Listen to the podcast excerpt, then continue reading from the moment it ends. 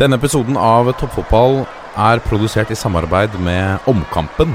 Eh, 9.6 eh, tar Norge imot Brasil til Omkampen. Nå er det snart 20 år siden mirakelseieren i Marseille. Og både Ronaldo og Rekdal eh, kommer. Nå lar jeg beina snakke for seg, og jeg prøver å gjøre jobben ute på banen. Og så får jeg holde kjeft utafor. Jeg vet at den er svak for skudd opp i krysset, så da bestemte jeg meg for å gjøre det. Og det visste jeg vel flott. Målet er jo egentlig klapp og bape inn i 16-meter. Det er ikke sånn at det er noen store målsjanser, men det er klapp og bap, selvfølgelig. Så øh, Det er ikke stilkarakter i fotball. Det er bare én ting som eh, gjelder, og det er å vinne kamper.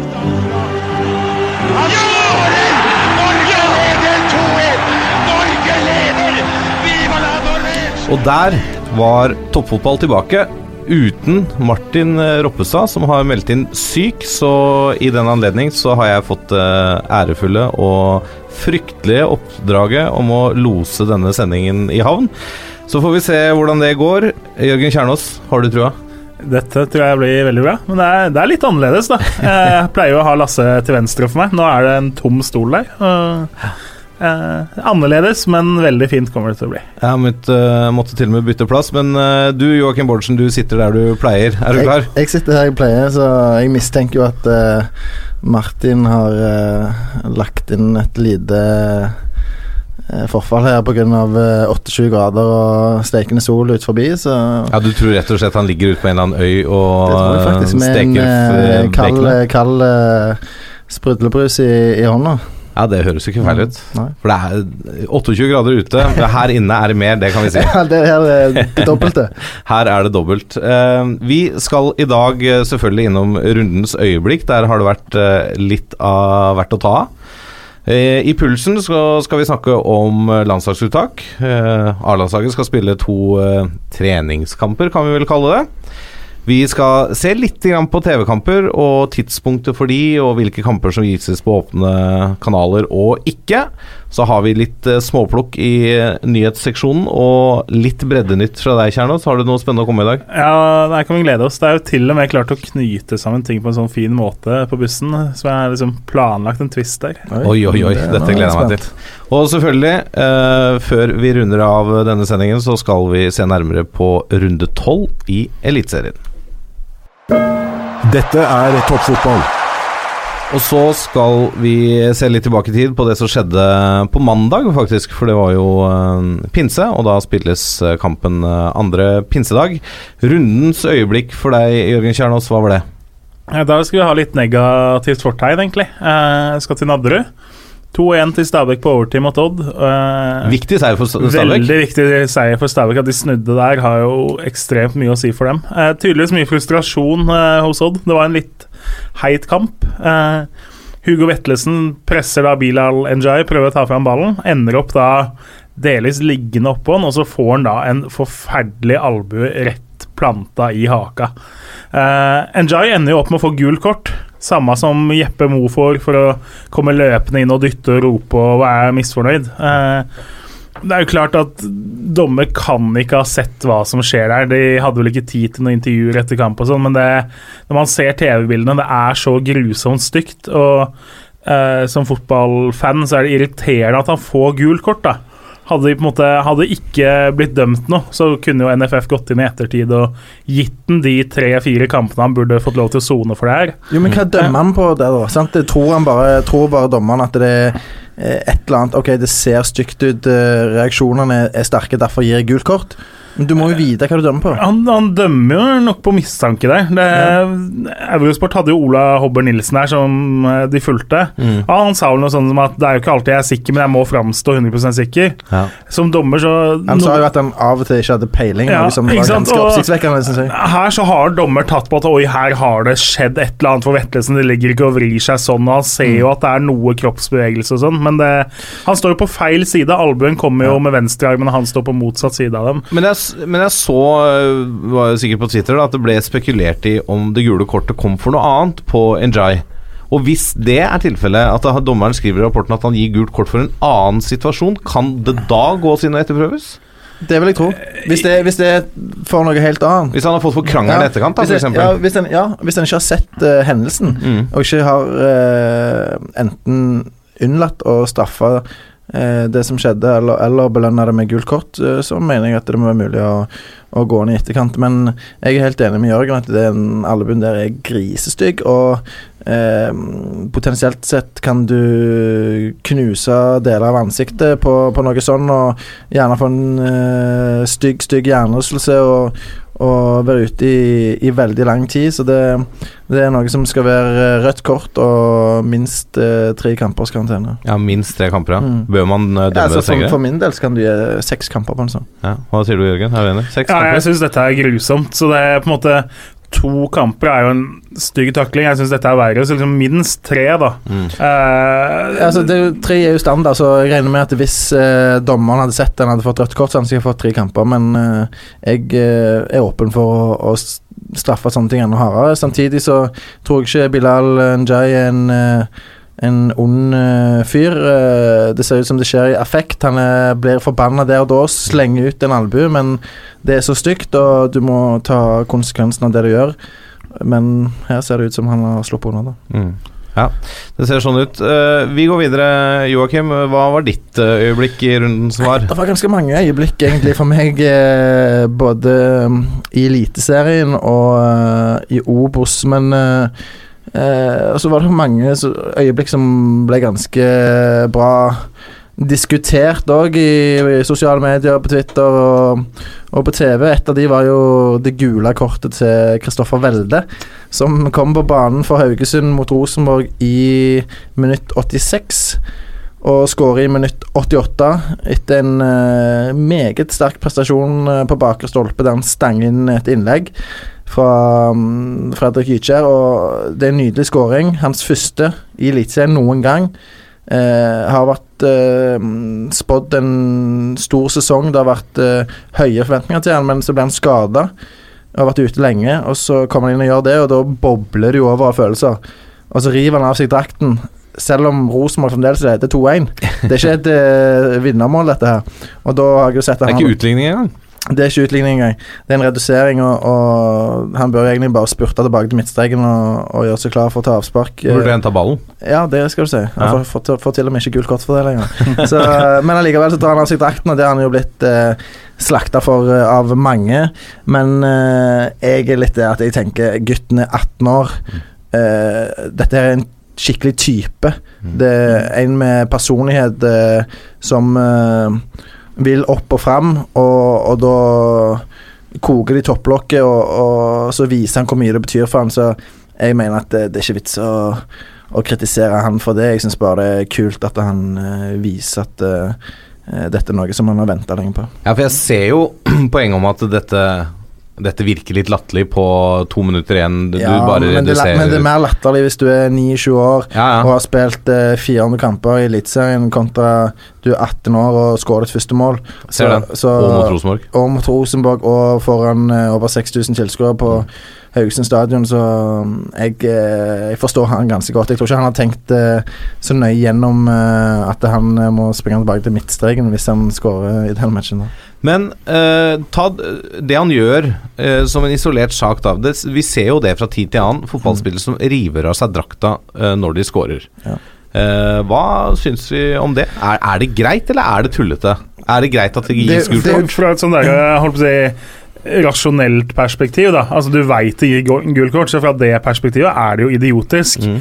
Eh, men scorer du et viktig mål, eh, eller et mål som betyr mye for deg, sånn som det var for Velde, Mm. så rekker du jo ikke å tenke over at 'oi, nå får jeg gult kort'. Du bør jo det, men eh, det er følelsen som tar over. Jeg synes jo Jeg er veldig glad i overivrige feiringer. Da. Mm. Altså, vis følelse, jubel og rop og skrik og hopp og vift med armene. Det, jeg syns det er deilig fra det følelsesperspektivet, da. Jeg syns det er klasse når eh, eh, folk viser følelser og, og hvor mye det betyr for dem. Så har du andre da i uh, som Cristiano Ronaldo f.eks., som gjerne har uh, spekulert litt mer i i feiringene og, og, og skjønner at ok, hvis jeg setter denne straffen, så drar jeg av meg eh, eh, trøya, og så kan jeg posere foran eh, kameraene med, med kroppen min etterpå. Mm. Men, eh, og så kan du diskutere det òg, men eh, jeg tenker dette er fotball.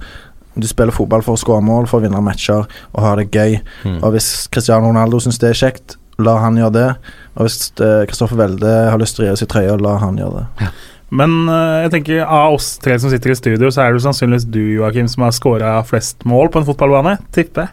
Hadde du noe feiring å vise til? Jeg er usikker på om jeg har uh, dratt av meg trøya. Det tror jeg faktisk aldri jeg har gjort. Men uh, jeg er sikkert frista til å gjøre det, fordi det, det er på en måte sånn eh, fin Eller en deilig måte å, å, å feire på. Da. Du kan slenge deg drakten og kaste den og få utløp for masse følelser og energi.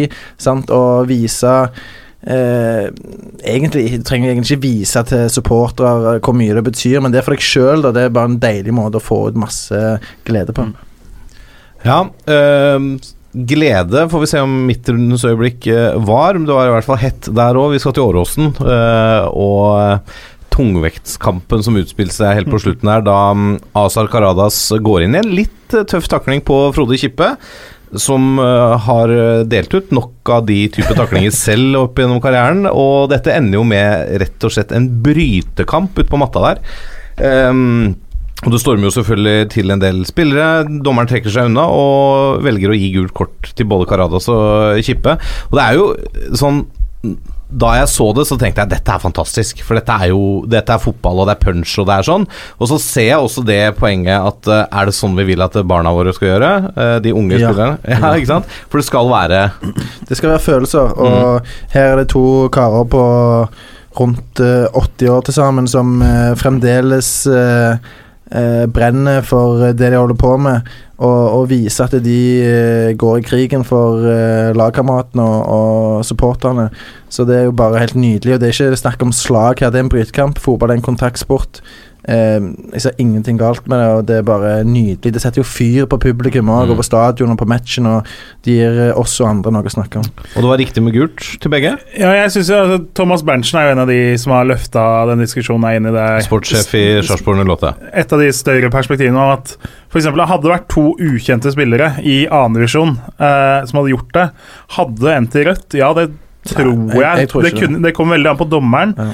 Eh, kunne gjort det, men det som gjør at jeg syns det er riktig med gult, at de er ganske likeverdige. Mm. Begge er med på det. Mm. Hadde det vært én som overfalt den andre uh, her, så hadde det vært et soleklart rødt. Ja, jeg, jeg, uh, men når begge gir og tar, så syns jeg det er helt fint løst med gult, det. Men jeg er ofte for uh, å sette ting i perspektiv, som Berntsen gjør her, men denne gangen så er jeg totalt uenig med han, mm. og syns dette er helt uskyldig.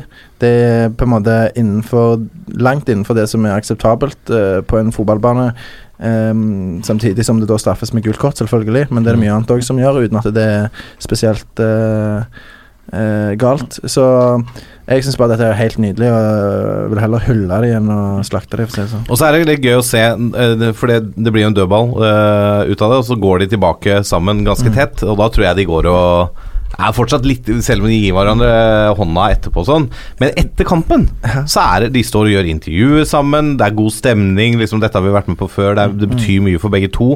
Uh, det er godt å se at det går an å legge fra seg det med en gang kampen er ferdig, så er de ferdig med det. Men Karadas er jo ekstrem der, da. Han, hver gang han kommer inn på for Brann så er det jo et villdyr. Eh, altså, ja. Mannen er jo fullstendig sinnssyk når du slipper han løs på en fotballbane. Det er deilig men, å ha som spiller. Ja. ja, det er helt nydelig, men han klarer jo denne overgangen med en gang han går av banen etterpå, så er han jo en annen person igjen. Men hadde han vært eh, en snill gutt på banen som eh, eh ikke ga eh, maks i alle dueller eh, i frykt for å gjøre noe galt, eh, så hadde ikke han spilt fotball lenger. Det er det som er hans styrker. Det er derfor han er i Brann nå og har en rolle der han kommer inn de siste 20 minuttene hvis kampbildet tilsier det.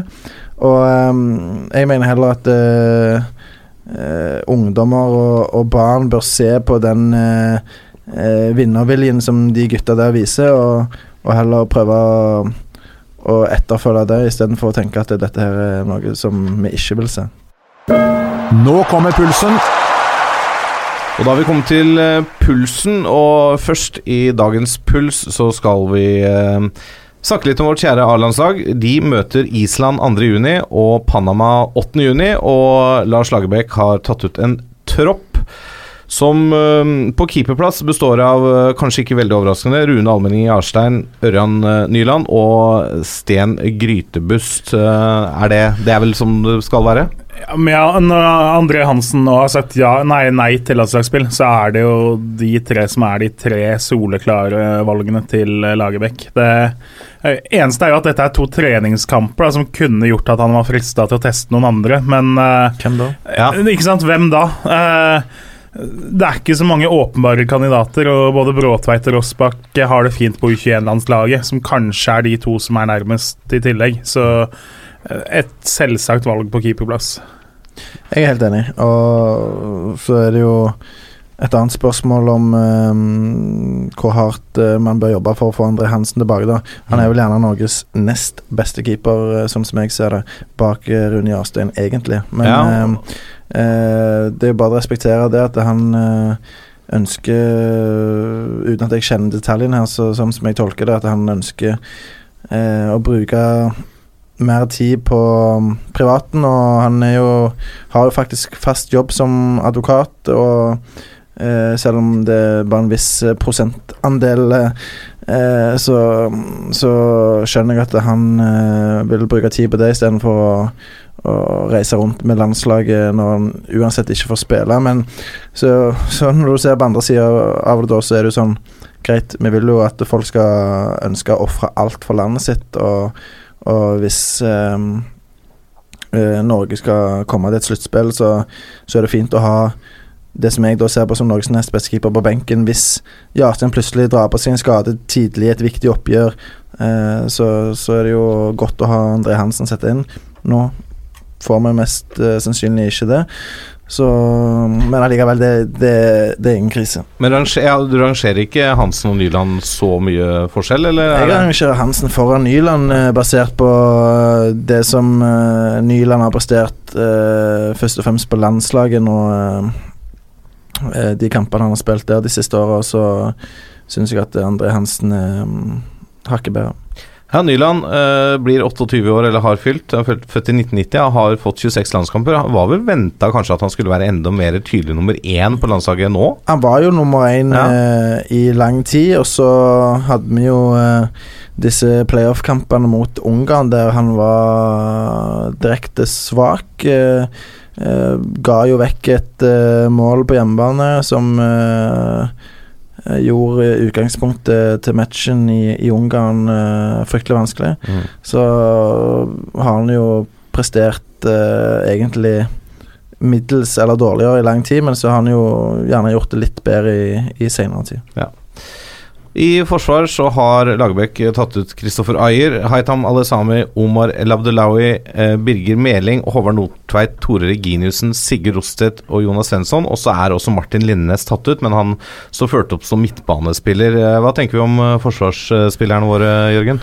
Det er Igjen så er ikke det så veldig overraskende, egentlig, at det er de åtte-ni som kommer med. Eh, det mest overraskende er jo egentlig mengden spillere man tar ut eh, til sammen. Det er 26 mann eh, vel som er inne. Eh, det er mange, men uh... Ja, men det, det skyldes jo at uh, dette ikke er en internasjonal dato, og at uh, enkelte ankommer seint, og andre må dra litt tidligere pga. Uh, uh, cupspill og, og spill i utlandet.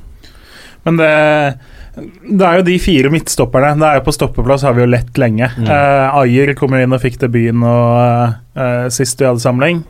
Uh, Reginiussen soleklart valg. Uh, Rost, Rostedt debuterte òg med skåring. Rostedt debuterte med scoring, og så Nordtveit. Uh, det er fire ganske opplagte kandidater nå, det òg. Det er ikke så lett å se hvem som eventuelt skal Nei, inn. men Klart Even Hovland ja. har hatt en god vår, men uh, naturlig at han ligger litt bak ennå. Men eh, jeg vet eh, at eh, Even Hovland var i bruttotroppen til eh, denne samlingen uten å, å ha kommet med, da. Men han er nøye vurdert. Og um, har nok vært helt i, i vannskorpa, men i og med at uh, de som har fått tillit nå, presterte så bra sist samling, så, så var det vel eh, strengt tatt uh, ikke mulighet for å få han med, vil jeg tro. Men jeg, tenker på Hovland og det samarbeidet han har med Reginius i, Mm. i Trondheim i Rosenborg nå. Hvor de slipper jo nesten ikke inn mål etter han kom inn, har kommet inn. Eh, kunne være en idé for landslaget å bruke det samme stoppeparet på landslaget? Det er jo en fristende tanke. Du, da vet du hva du får. Sant? Et eh, samspilt Og melding på venstrebekken? Ja, ja, sant, det var nesten hele Rosenborg-forsvaret. Ehm, da får du en veldig samspilt eh, duo. Eh, men så er det det, da. Isolert sett så er vel gjerne både Ayer og Rosted bedre enn begge de. Ja. Men eh, enn så lenge så, så eh, forstår jeg at eh, Reginiussen eh, sannsynligvis foretrekkes eh, foran Rosted. Eh, I hvert fall til Rosted har vist enda mer på landslaget. Men på sikt så vil jeg tro at Rosted og, og Ayer ses på som et mulig stopperpar. Og så har du selvfølgelig Nordtveit inn i miksen. da Eh, av de som ikke kom med, bortsett fra Hovland, er det noen andre som var i skorpa, tror vi? Vegard Eggen Hedenstad, tror du han er i nærheten av en tropp? Ja, det er veldig mange gode høyrebacker nå, da, sant? Mm. med Omar og Linnes og Svensson. Så Ja. der, der eh, er han på en måte uheldig. At Er han godt dekka. Veldig godt dekka, selv om Hedenstad har hatt en uh, veldig god vår, syns jeg, for uh, Rosenborg. Og på venstre så er jo Jeg syns jo Birger Meling starta sesongen rotete og litt sånn uklart for Rosenborg. Han har en veldig viktig rolle i vinter, eh, hvor han var med mye i oppbygginga. Ble dytta litt inn i midten eh, i oppbyggingsfasen og sånn. Og så gjort mye snålt og liksom ikke vært helt på. Eh, men nå siste fire-fem kamper så har han kommet ordentlig og vært kanongod Ja, vært på det Fantastisk. høye, gode nivået som vi veit han har. Så eh, mai måned har han vært fantastisk. Jeg tror han eh, er førstevalget der nå foran alle sammen. Ja, for Det som er deilig med Birger Meling, det er sånn, litt sånn som Robertsen i, i Liverpool, at det, du vet hva du får hver match. Mm. Det er liksom, Jeg skal ikke si verken mer eller mindre, for det er på et stabilt, meget høyt nivå. Mm. En uh, utrolig fotballklok spiller som som eh, er mentalt råsterk, som eh, aldri har latt seg eh, knekke av eh, noe motgang. Og, og kommer til Rosenborg som ja, egentlig er eliteseriestjerne, Mm. selv om navnet hans gjerne ikke eh, var så heftig omtalt, så var han en av eliteseriens aller beste spillere da han ble henta. Men han, han kommer til Trondheim i, og får tøff konkurranse av eh, der, som eh, ble sett på som eh, et fremtidig salgsobjekt. Eh, så lar han ikke seg affisere av det, og, og fortsetter bare å spille på samme måte. Og har fått masse tillit og ansvar av Kåre Ingebrigtsen. Og viser at han eh, vokser på det, og, og nå har han gjort det samme på landslaget. Han presterer hver gang. Og før vi runder av Forsvaret, eh, vi nevnte de fire stopperne pluss Hovland. Så har vi Jørgen Skjelvik eh, Mm. som spiller fast for LA Galaxy. Han eh, ser ut til å falle lenger tilbake i køen, rett og slett. Ja, altså han eh, Jeg har, jeg har sansen for Skjelvik. Jeg har uh, forsøkt å, å lansere han som uh, I denne poden iallfall som uh, et eh, godt alternativ. eh, men eh, han er rufsete. Han eh, kan ennå slite med plasseringen og, og, og bli avslørt på det, men så har han denne farten da som eh, gjør at eh, det er fristende å ha han med, sant? Mm. Og, og forsøke å utvikle, men eh, jeg skjønner, jeg skjønner Lagerbäck godt, og, og forstår hvorfor han har tatt ut det han har gjort. På midtbanen så har vi da nevnte Linnes i den eh, skjæringspunktet. Eh, gledelig å se at Sander Berge er skadefri og tilbake i tropp. Eh, jo Inge Berge, Mats Møller Dæhlie, Moi, Moi eh, Elionossi, Iver Fossum, Markus Henriksen, Stefan Johansen, landslagskapteinen der også, Fredrik Midtsjø og Ole Kristian Selnes.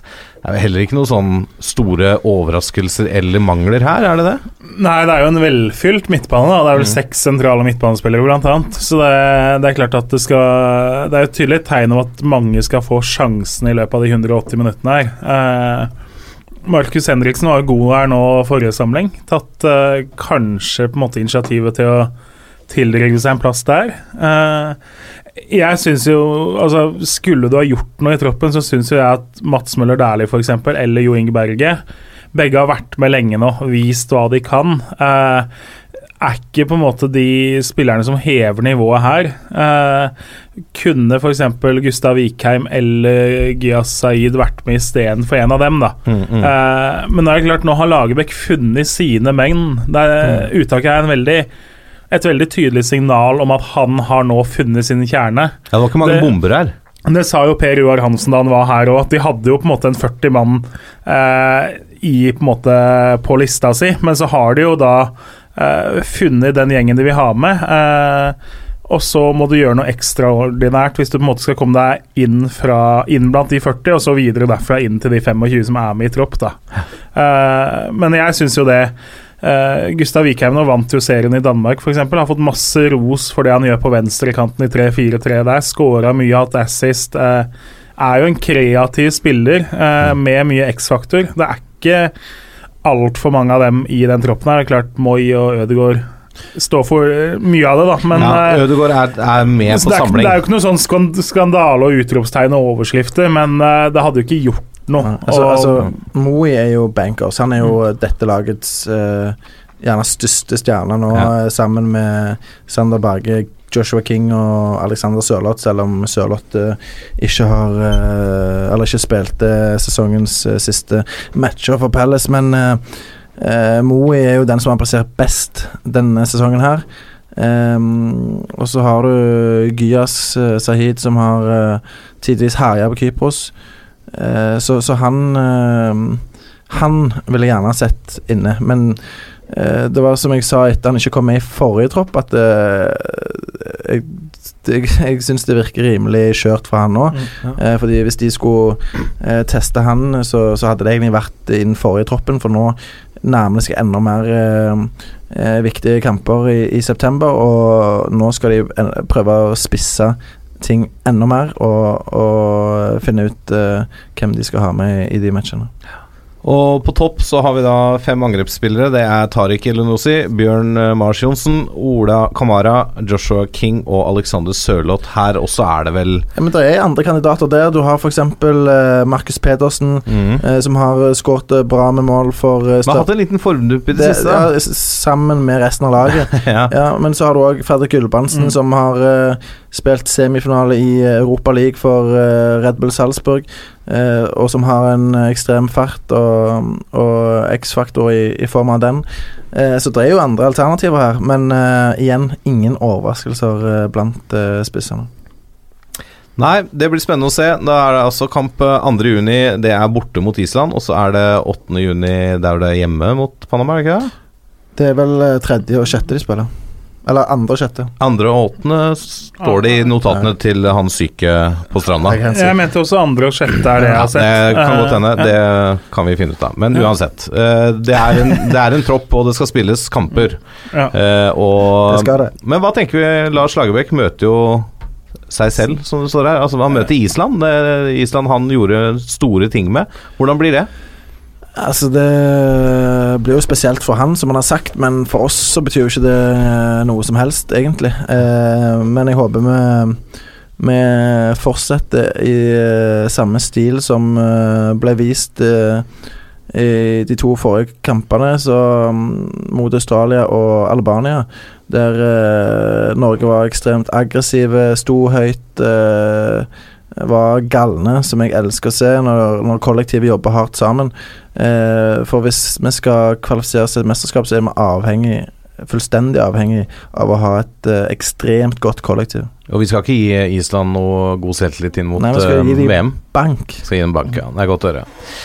Eh, bank eh, kan vel ikke si at eh, det fikk, men det ble litt diskusjon på Twitter på mandag fordi Eurosport valgte da å vise syv av åtte eliteseriekamper bak betalingsmur, og hovedkampen klokken 20 gikk også der. Hvem var det som startet den diskusjonen? egentlig? Nei, det, det var flere, men jeg var en av de som nevnte det. Fordi at Eurosport gikk jo ut da de tok over um, tok over rettighetene og sa at eh, nå skal fotballen tilbake til folket, og lovte tre til fire kamper på åpen kanal. Eh, hva syns dere, da? Det er jo da tydelig hva jeg syns. eh, For jeg, jeg syns jo eh, de ikke følger hva skal jeg si, den lovnaden, da, og det er det jeg reagerer på. De har lovt noe, og nå skjønner jeg at det er en, en, et testprosjekt, akkurat det her, og jeg skjønner at ting skjer i TV-bransjen som gjør at de må endre seg, men da kunne kanskje kommunikasjonen vært litt tydeligere. Det er vel det jeg kanskje har etterlyst, da, kommunikasjonen her. Hva syns dere? Jeg skjønner at reaksjonene kom på mandag, da. Eh, for da Jeg våger jo påstå at jeg følger ganske godt med. Jeg hadde ikke fått med meg at den kampen ikke gikk på åpen TV. Nei. så satt jo liksom zappa gjennom Er det på Max, er det på TV Norge, hvor er den, på en måte? Eh, nå har jeg abonnement, så for meg var det jo ikke noe problem, annet enn at jeg måtte få PC-en og se det der. Samme Men eh, eh, det er klart, man skjønner jo at de vil gjøre det. Eh, rett og slett så har de 2,4 milliarder grunner eh, til at de er nødt til å tjene penger på det her, da. Eh, men det jeg syns er på en måte mest kritikkverdig akkurat her, var kommunikasjonen i forkant. Mm. Det kan ikke ha vært uh, veldig mange som hadde fått med seg at den kampen her måtte kjøpe abonnement på. Nei, de, hen, de henviser jo til en pressemelding som kom for noen uker siden. Ja, men uh, hvor mange har fått med seg dem? På en Ja. måte Jeg ser jo for meg at det ble litt hektisk i de bergenske hjem når man ikke fikk uh, sett uh, kampen deres på Åråsen klokka åtte. Og Mm. for da, oi shit, jeg må skaffe meg et abonnement for å få sett uh, Brann. Og da på åpen kanal klokken 20 så viser de der reprise av en av 18-kampene, Tromsø-Vålerenga.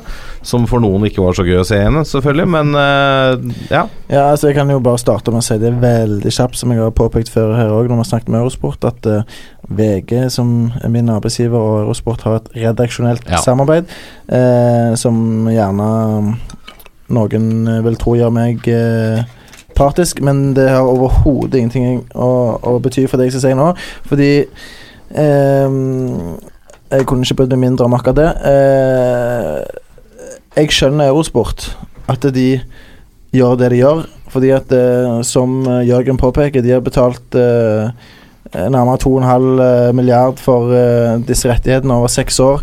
Noe som er ekstremt mye penger. De har uh, amerikanske eiere som uh, vil se avkastning. De vil se et godt produkt som er lønnsomt, og, og hele tida prøve å finne nye muligheter til å skape vekst på ulike plattformer. Og så syns jeg at supportere må tenke seg om. At eh, ja, selvfølgelig vil vi ha alt gratis eh, rett hjem i stua til enhver tid, men eh, det er folk som må tjene penger òg, og eh, uten eh, noe vondt mot TV 2, men de òg tar jo godt betalt for Premier League-rettighetene, som Mm. de er nødt til å gjøre for å kunne bruke enorme mengder eh, penger på ikke bare rettighetene, men eh, på produksjonen. Det Mm, Det koster penger å sende folk rundt på stadioner, eh, leie inn produksjonsselskaper og, og produsere disse kampene. Og eh, nå betyr ikke det at eh, Eurosport eh, legger Lillestrøm Brann eh, på eh, bak betalingsmur, at de tjener voldsomt mye penger, for det gjør de jo garantert ikke. Men de vil se om, sånn som jeg tolker det, uten at jeg sitter med noe inside på det her i, i denne sammenheng, så tolker jeg det sånn, som sikkert mange andre, at de vil se eh, om eh, det er etterspørsel for dette her. Om det gjerne er mulig å legge flere kamper bak betalingsmur, fordi da kan de øke inntektene sine. Mm. Noe som gjør at de kan opprettholde eh, et godt eh, sportslig tilbud, da, om jeg kan si det sånn. Så jeg, jeg forstår det fullt ut. Jeg. Men ja, kommunikasjonen her Ja. er jo nøkkelen, da. Skal du gjøre sånne endringer som eh, eh, Hvis du, du er en fotballklubb og skal endre eh, klubbens logo, så, så gjør du ikke det bare med et knips og, og sier at ja, men se da, den er jo fin, sant. Eh, Tenker du på Start? ja, for eksempel. Eller, men hvem som helst. Det, det er bare et eksempel. Du, du må kommunisere det i Mm. forkant, og, og få folk til å forstå hvorfor du gjør valg som i utgangspunktet gjerne da øh, kan provosere en del. Bare snakke for meg selv, og bare sånn at det ikke er noen tvil om det. Jeg er helt enig i at eh, Eurosport må tjene penger på dette, og jeg forstår veldig godt at de har kamper bak betalingsmur. Eh, som Bjørgen så betaler jeg for det selv, for jeg er såpass interessert at det jeg er villig til å betale, om det er 100 eller 200 eller 300 i måneden, det det får være, liksom. Eh, poenget mitt her var jo, eh, som du nevner, det er kommunikasjonen, og så er det lovnadene i forkant om fotball til folket. Og så syns jeg da, i kraft av kommunikasjonen, så burde de sagt, da, når de gjorde det Jeg mener det er helt greit å være åpen på det. Vi gjør dette fordi at TV Altså måten folk ser TV på, endrer seg. Vi vil se om det går an å selge flere abonnement på betalingsløsningen. For det er fremtida, hvis vi skal klare å holde dette produktet på et uh, Altså, anstendig nivå. Ja, egentlig er det jo helt sykt at noen har betalt uh, 2,4 milliarder for uh, norsk fotball over seks år. Det er jo en helt sinnssyk sum. Eh, så eh, norske fotballsportere bør egentlig bare være veldig veldig glad for at uh, Eurosport eh, legger ned de ressursene som de gjør i dette produktet. Uh, hadde det vært f.eks. bare én aktør på markedet som ja, ok, greit, det er gjerne journalistisk det da, at det er kun NRK som eksempel hadde sittet igjen med, med rettighetene og, og tatt for en billig penge, men folk skal være glad for at det er konkurranse om de rettighetene. og og har forståelse for at eh, de som til slutt sitter med de må prøve å, å maksimere både profitt og, og annet eh, utbytte av de. Ja, for det blir også mer penger til fotballklubbene uh, med disse rettighetene. Selvfølgelig. Eh, og det må vi også huske. Men uh, hvis vi går vekk fra akkurat det, da. Hva, hva syns Nå vet vi at du er der du er i VG, men hva syns vi om dekningen til Eurosport så langt? Altså, nå har de vel da gjennomført eh, 30-41 runder, da. Med eliteserie siden de overtok, uh, overtok rettighetene. Uh, klarer de seg bra? Leverer de uh, et TV-produkt? altså Kampene gjør seg jo selv, på en måte, men det som skjer før kamp, etter kamp, i, i programmer før runde, etter runde og sånne ting, er, er det et bra produkt? Er det noe vi ser på og syns er bra? Ja, altså det, det er ikke noe grunn til å sitte her og slakte noe. Det er, det er jo bra. Eh, også, Dyktige folk. Også, ja, og så skal jo vi Altså, det er jo mye å pirke på.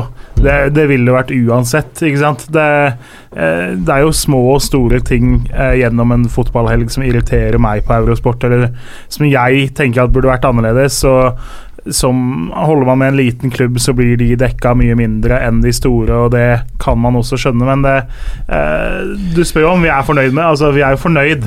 Eh, mitt største ankepunkt er jeg syns den Eurosport Player eh, Der føler jeg meg 70 år jeg, hver gang jeg skal inn og velge meg match uh, inn på den nettsida deres. Eh, den, den ligger ikke på forsida engang. Liksom, nå, nå går Eliteserierunden som de har betalt 2,4 milliarder for.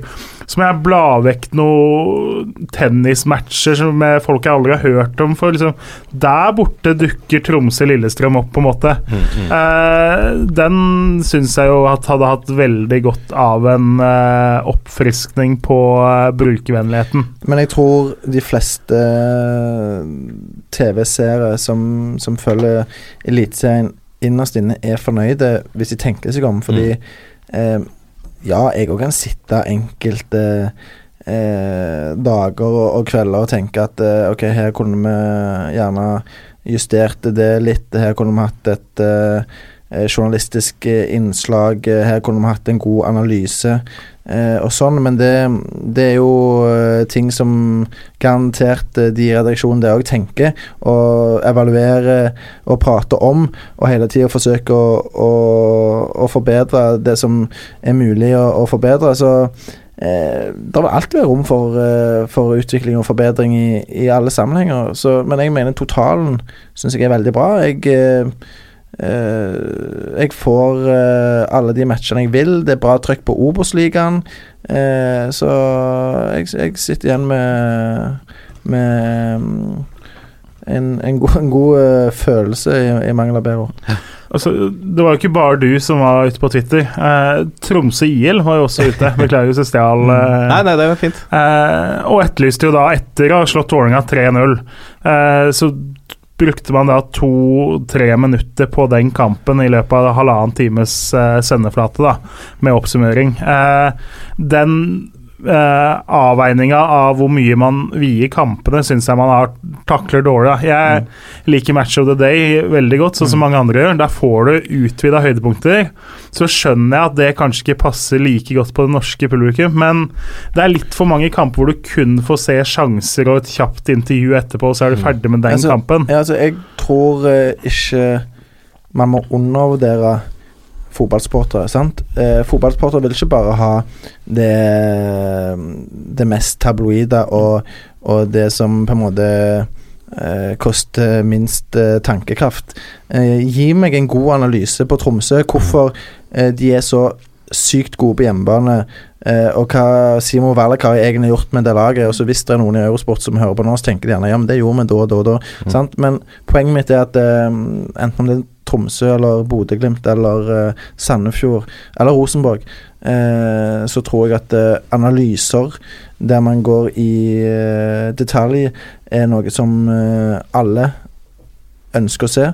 Og så har allerede Eurosport en del av det inne i sendingene sine, men eh, personlig eh, så, så ser jeg òg eh, gjerne mer av det. Ja, jeg er helt enig. Bruke mer, tid, eller, altså, mer lik tid på hver kamp, tenker jeg. Ja, altså, for, for, for min del da så er det sånn eh, Sånne svada-uttalelser Det gir meg liksom Mm. ingenting. Nei. Sånn ja, altså Det var en, eh, en grei match, alle ga 100 og sånn, og, men eh, eh, vi får se oss fornøyde med det ene poenget og sånn. Mm. Liksom Gjerne kutt ned de litt, og, og sette mer tid til, til Hvorfor det blei som det blei, kanskje. Ja, ja, akkurat. Ja. Eh, siste ting eh, før vi runder av TV-kampdiskusjonen. Eh, noe som betyr mye for fotballsupportere, er jo når kampene spilles. Mm. Og i en vanlig runde nå på Eurosport så har du én kamp klokka seks på lørdag. Eh, og så har du fem kamper i hovedrunden klokka seks på søndag. Så har du åttekampen på søndag, og så har du da en mandagskamp klokka syv. Eh, kamptidspunktene. Eh, er ikke det egentlig ganske greit i forhold til hva det har vært tidligere? Jo, det har jo altså Man har jo snakka mye om både disse mandags- og fredagskampene også. Eh, altså Det er jo 1000 meninger hvis du spør 1000 folk om det her, da. Eh, jeg syns ikke det er så ille. Og så skjønner jeg jo at er du Rosenborg-supporter som drar på bortekamp, så er du ikke så fornøyd med det, for da blir det mye klokka åtte på søndag, og du sliter med å få tog eller buss eller fly hjem igjen.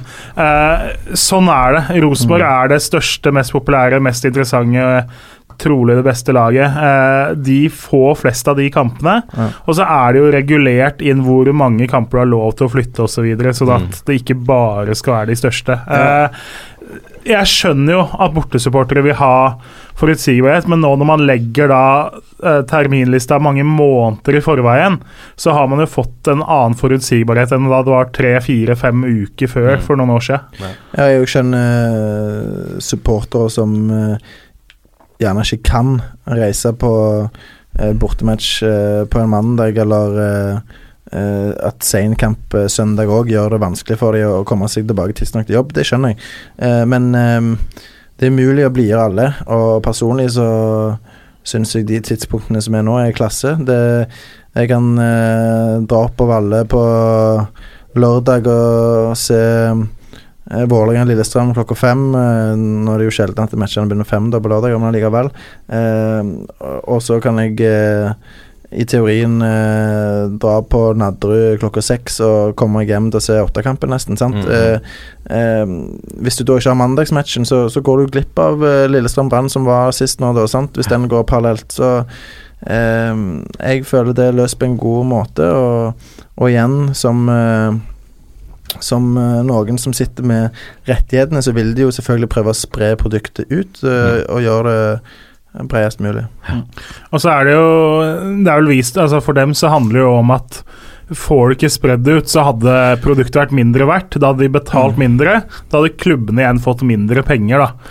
Eh, så at klubbene må flytte, det gjør at de får økte inntekter til syvende og sist. Eh, Og, ja. Ja, og, og den Obos-ligakampen uh, som jeg så her nå i går, f.eks., med, med Viking og Ålesund på en tirsdag, det er jo helt magisk. Ja, For oss som er glad i fotball, så er det jo magisk Ja. eh, å få noen kamper uh, som flyttes litt. Grann. Uh, men jeg syns helt enig, det er bra at det er en forutsigbarhet. At de settes opp tidlig, sånn at det går an å booke flybilletter til Tromsø fire måneder i forveien. Det er veldig bra. Yes, eh, vi går videre. Vi nevnte så vidt i stad på landslaget at Gustav Vikheim har blitt seriemester i Danmark med Midtjylland. Gratulerer til det. En liten applaus, eller? Gratulerer, ja. Og Alexander Sørloth òg. ja han, han kjørte jo eh, Han kom jo flyvende med helikopter med pokalen, Ja, og fikk lov til å bære den ut på banen. Ja, det er Eh, nydelig. Jeg, ja. Det var jo to lag som kunne vinne, så pokalen måtte vel være et sted sånn cirka midt imellom, eller noe sånt. Så jeg, så- jeg så på sosiale medier òg at han, eh, han koser seg eh, etter match òg. Ja. Det er bra, det er fortjent. efterfesten, så Ja, efterfesten. Ja, det er bra. Det var, det var bra. Hadde han levert den med helikopter hvis det andre laget hadde vunnet? jeg tipper jo det var en eller annen med Brøndby-tilhørighet som eh, satt og venta sammen med Sørloth eller noe. Det, eh, det hadde ikke vært så kult for Sørloth da å skulle tusla bort den i Brøndby. Jeg, jeg tipper de hadde to planer i huet der. Ja, jeg tror det. Um, Ola Kamara, også på landslaget, han ble matchvinner i forrige kamp for LA Galaxy etter at uh, kaptein og superstjerne Zlatan Ibrahimovic ble utvist. Ja, og da kan jeg si det først at jeg syns det der Zlatan har holdt på med nå de siste gjerne 18 månedene, altså, det, det er pinlig. Én ting er dette her med uh, Eller ikke én ting, egentlig hovedproblemet for meg har vært alt dette her med Align uh, Heals faster than Ja, ja. being, og han er løve videre, som egentlig bare er fullstendig pissprat, som har vært morsomt egentlig å, å, å høre på gjennom karrieren hans, men det har bare på en måte tatt så sykt av, da, Mm, mm. siste halvannet året, at det, det, det er liksom sånn Det blir så kleint, og det blir så pinlig. En sitter på eh, talkshow rundt forbi og var på Jimmy Kimmel i USA, liksom, og og ja, LA deserves me og tenkte, You're welcome, ja, LA. Sant, og liksom Mannen er gammel er han? 36, sant? Eh, og han er jo ikke så dum som han fremstår der. Han er jo egentlig en oppegående fyr. Mm. Eh, så akkurat jeg, jeg skjønner ikke hvorfor han har på en måte tippa For han har tippa for min del, da, på Mm. På, den der uh, arroganseskalaen, på en måte. Det, nå blir det bare sånn platt og pinlig. Og så kommer han med denne albuen i forrige match. Uh, Ja, var det s- et ja, ja, slag? Klaps, klaps, ja. ja, han, han ble tråkka litt på, på fotbladet, og så slenger han ut en arm. Uh, men det er jo sånn som han har gjort hele karrieren. Eh, jeg husker godt Ajax Rosenborg, faktisk, i Amsterdam, der eh, kameraene fanga opp eh, at han ga Erik Hoftun eh, noen skikkelige karameller i, i bakhodet eh, når eh, ballen ikke var helt i nærheten, og, og da var det ikke VAR inne i Mm. bildet, eh, så da ble han ikke straffa. Ehm, så, men nå kunne jeg bare ta det på, på video og, og, og vise han ut, uh, fullt fortjent. Men eh, så er det veldig kult at Ola Kamara da står fram med kapteinspinnet og skårer sitt uh, fjerde mål eh, i det som på, av fire kamper, eh, så vidt jeg husker. Så han er on fire og bare forsterker sin status i, eh, i MLS og eh, på det norske landslaget, og det, det er kjekt å se. Og han har jo hatt noen tap-ins der borte, men det her var jo ikke en tap-in. Nei, Han det var jo- trekker seg ja, ja. på tvers av 16-meteren og dunker ned. Det var jo som å se Eden Hazard. Det var Ja. i løpsduell på venstrekanten, og så drar han seg inn i banen og, og mellom to mann og, og får satt ham mellom beina på keeper i mål, som gjør at de, de vinner 1-0 på bortebane etter å ha spilt eh, eh, store deler av matchen med, med ti mann, så det er råsterkt. Så nei, det er klasse. Hvor tidligere gjest Ola koser seg i USA, det er helt klart. En annen som har kost seg i år, er jo eh, også landslagsspiller Bjørn Mars, Jonsen. Ble toppskårer for eh, klubben sin og havna Ado Den Hage. Ado Den Hage, og havna vel én eller to skåringer bak æresdivisjonen Ja, toppskårer. ja, han kjempa jo lenge for den toppskårertittelen. Eh, for han, had, han var jo på skuddhold, eh, bokstavelig talt, eh, blir det vel. Eh, så mm, Men allikevel, 19 mål, det lar seg høre.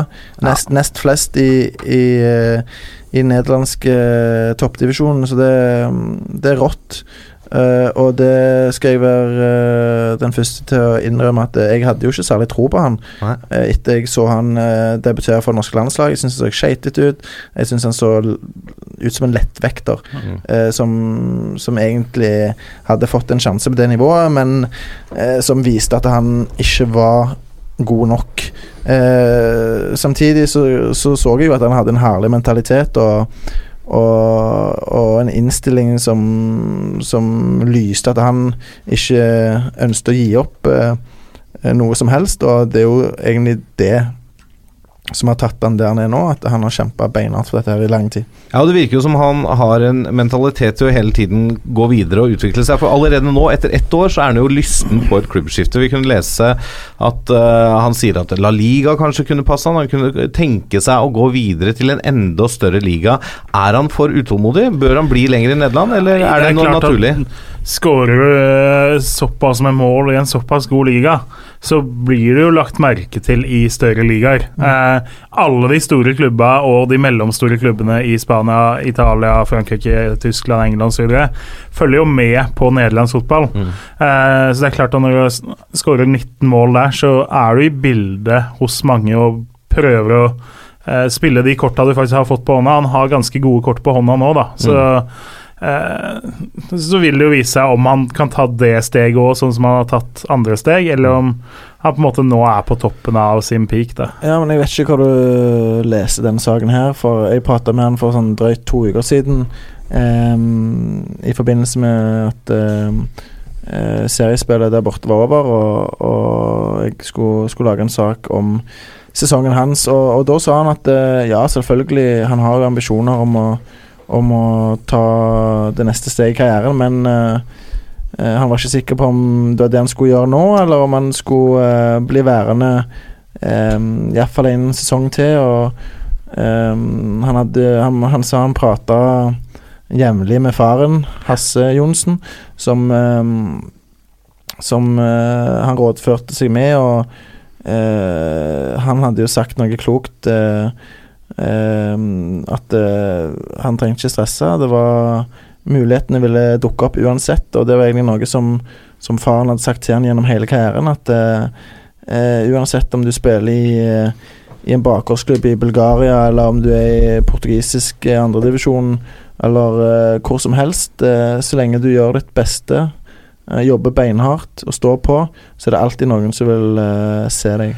Jeg tror faktisk dette var fra en sak i en ganske tett konkurrent av dere, eh, som begynner på D og slutter på Agbladet, eh, fra 5. mai eller noe sånt, eh, hvor dette ble nevnt da i, i et intervju med han.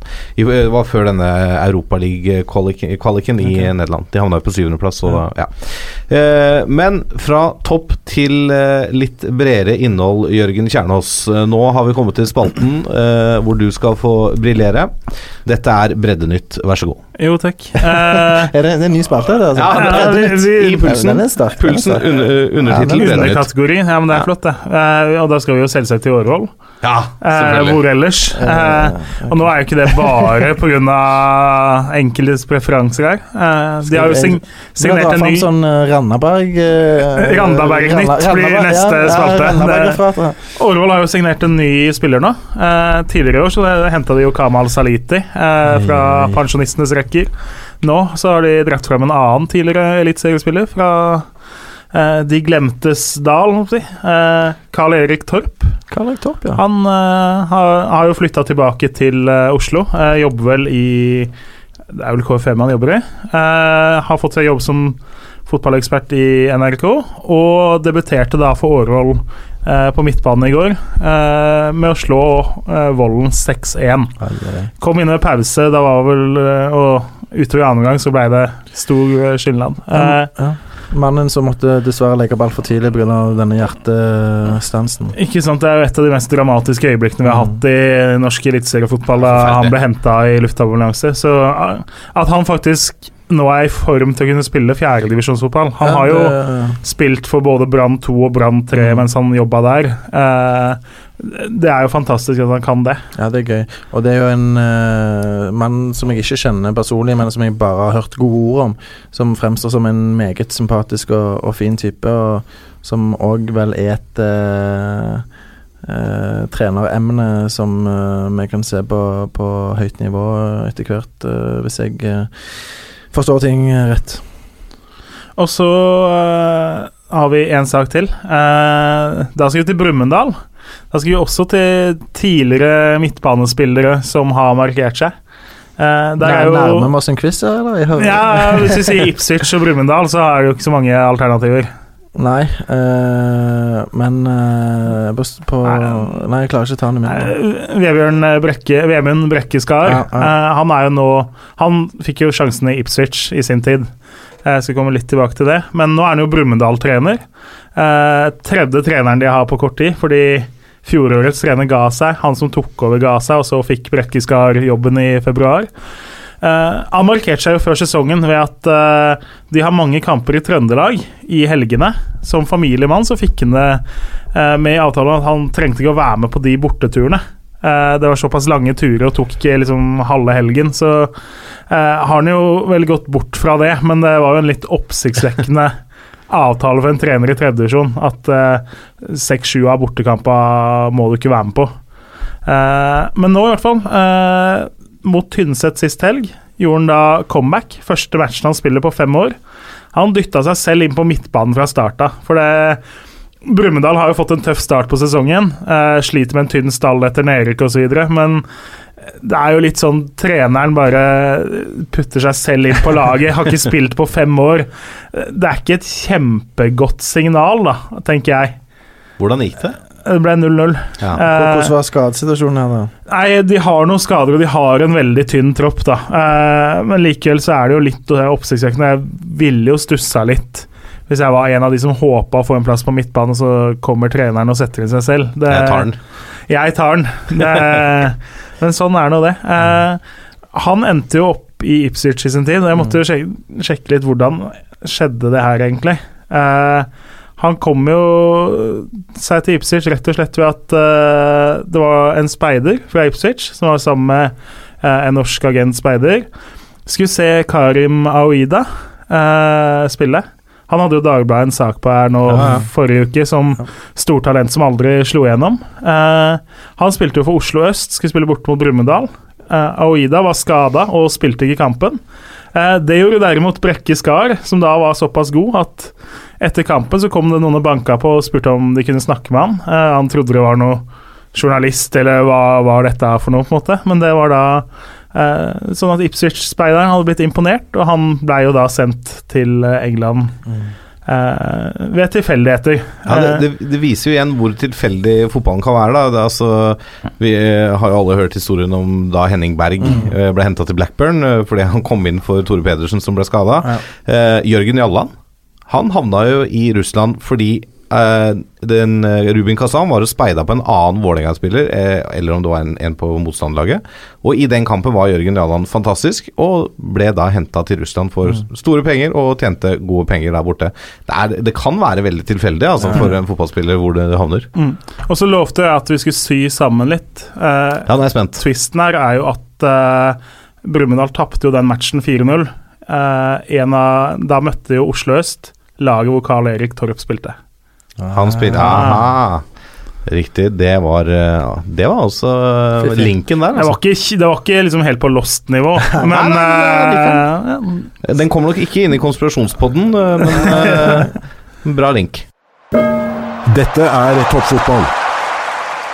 Og Da har vi kommet til eh, lyttespørsmål, som eh, du, kjære lytter, kan sende inn på e-post. Toppfotball at eh, 451.no. På Twitter, Instagram eller Facebook. Eh, send det til oss, og så kan det hende vi tar det opp eh, her. I dag så har vi fått eh, et spørsmål fra Sindre Taule Sandstå. Eller vi har fått tre spørsmål, faktisk. Vi tar det første først, naturlig nok. Hvor langt kan Ranheim komme? Ja det, For enkelte så er det vel nesten en overraskelse at de allerede har tatt såpass med poeng som de har. De For har, enkelte er det en overraskelse at det er i Eliteserien. Hei, Birken. de har allerede 23 poeng og ligger på tredjeplass. Eh, jeg syns jo det imponerende med Ranheim altså, Det er jo utrolig masse, da. Men uh, de fortsetter å angripe. De er ikke feige, de blir ikke nervøse. De tenker ikke på poengene de har halvveis ned i lomma, men selv mot Molde da, så fortsetter de å male på og sende fram folk og er villige i angrep. Uh, det er litt sånn deilig, litt eh, nesten naiv glede over det de holder på med, da. Eh, og så har jo historien vist oss før, vi skal ikke lenger tilbake enn i fjor, da Ålesund starta bra og begynte å bable litt om Europa, og så endte med å rykke ned isteden. Eh, jeg tror noen av de lagene nede i bånn er så svake, og jeg tror Ranheim er så gode at det blir ikke et nytt Ålesund. Eh, men eh, jeg sliter jo fortsatt med å forestillinga om at det Ranheim-eventyret skal vare. Ender de en plass rundt 10-11-12, så blir jeg ikke veldig overraska, det ville vært mer enn uh, godkjent. Altså Alle tippa de vel rett ned igjen, så det, det må jo være mer enn godkjent. Og nå, altså 23 poeng så langt. Det vil jo si at eh, sånn historisk trenger de rundt 11 poeng til på 19 runder for å sikre plassen. Og det i seg selv er jo en fantastisk prestasjon med det budsjettet og den sp spillerstallen de har. da altså sånn, altså det, det har jo egentlig samme stammen som var i Obos. Ja, altså Jeg tror de kan eh, komme topp fem, jeg.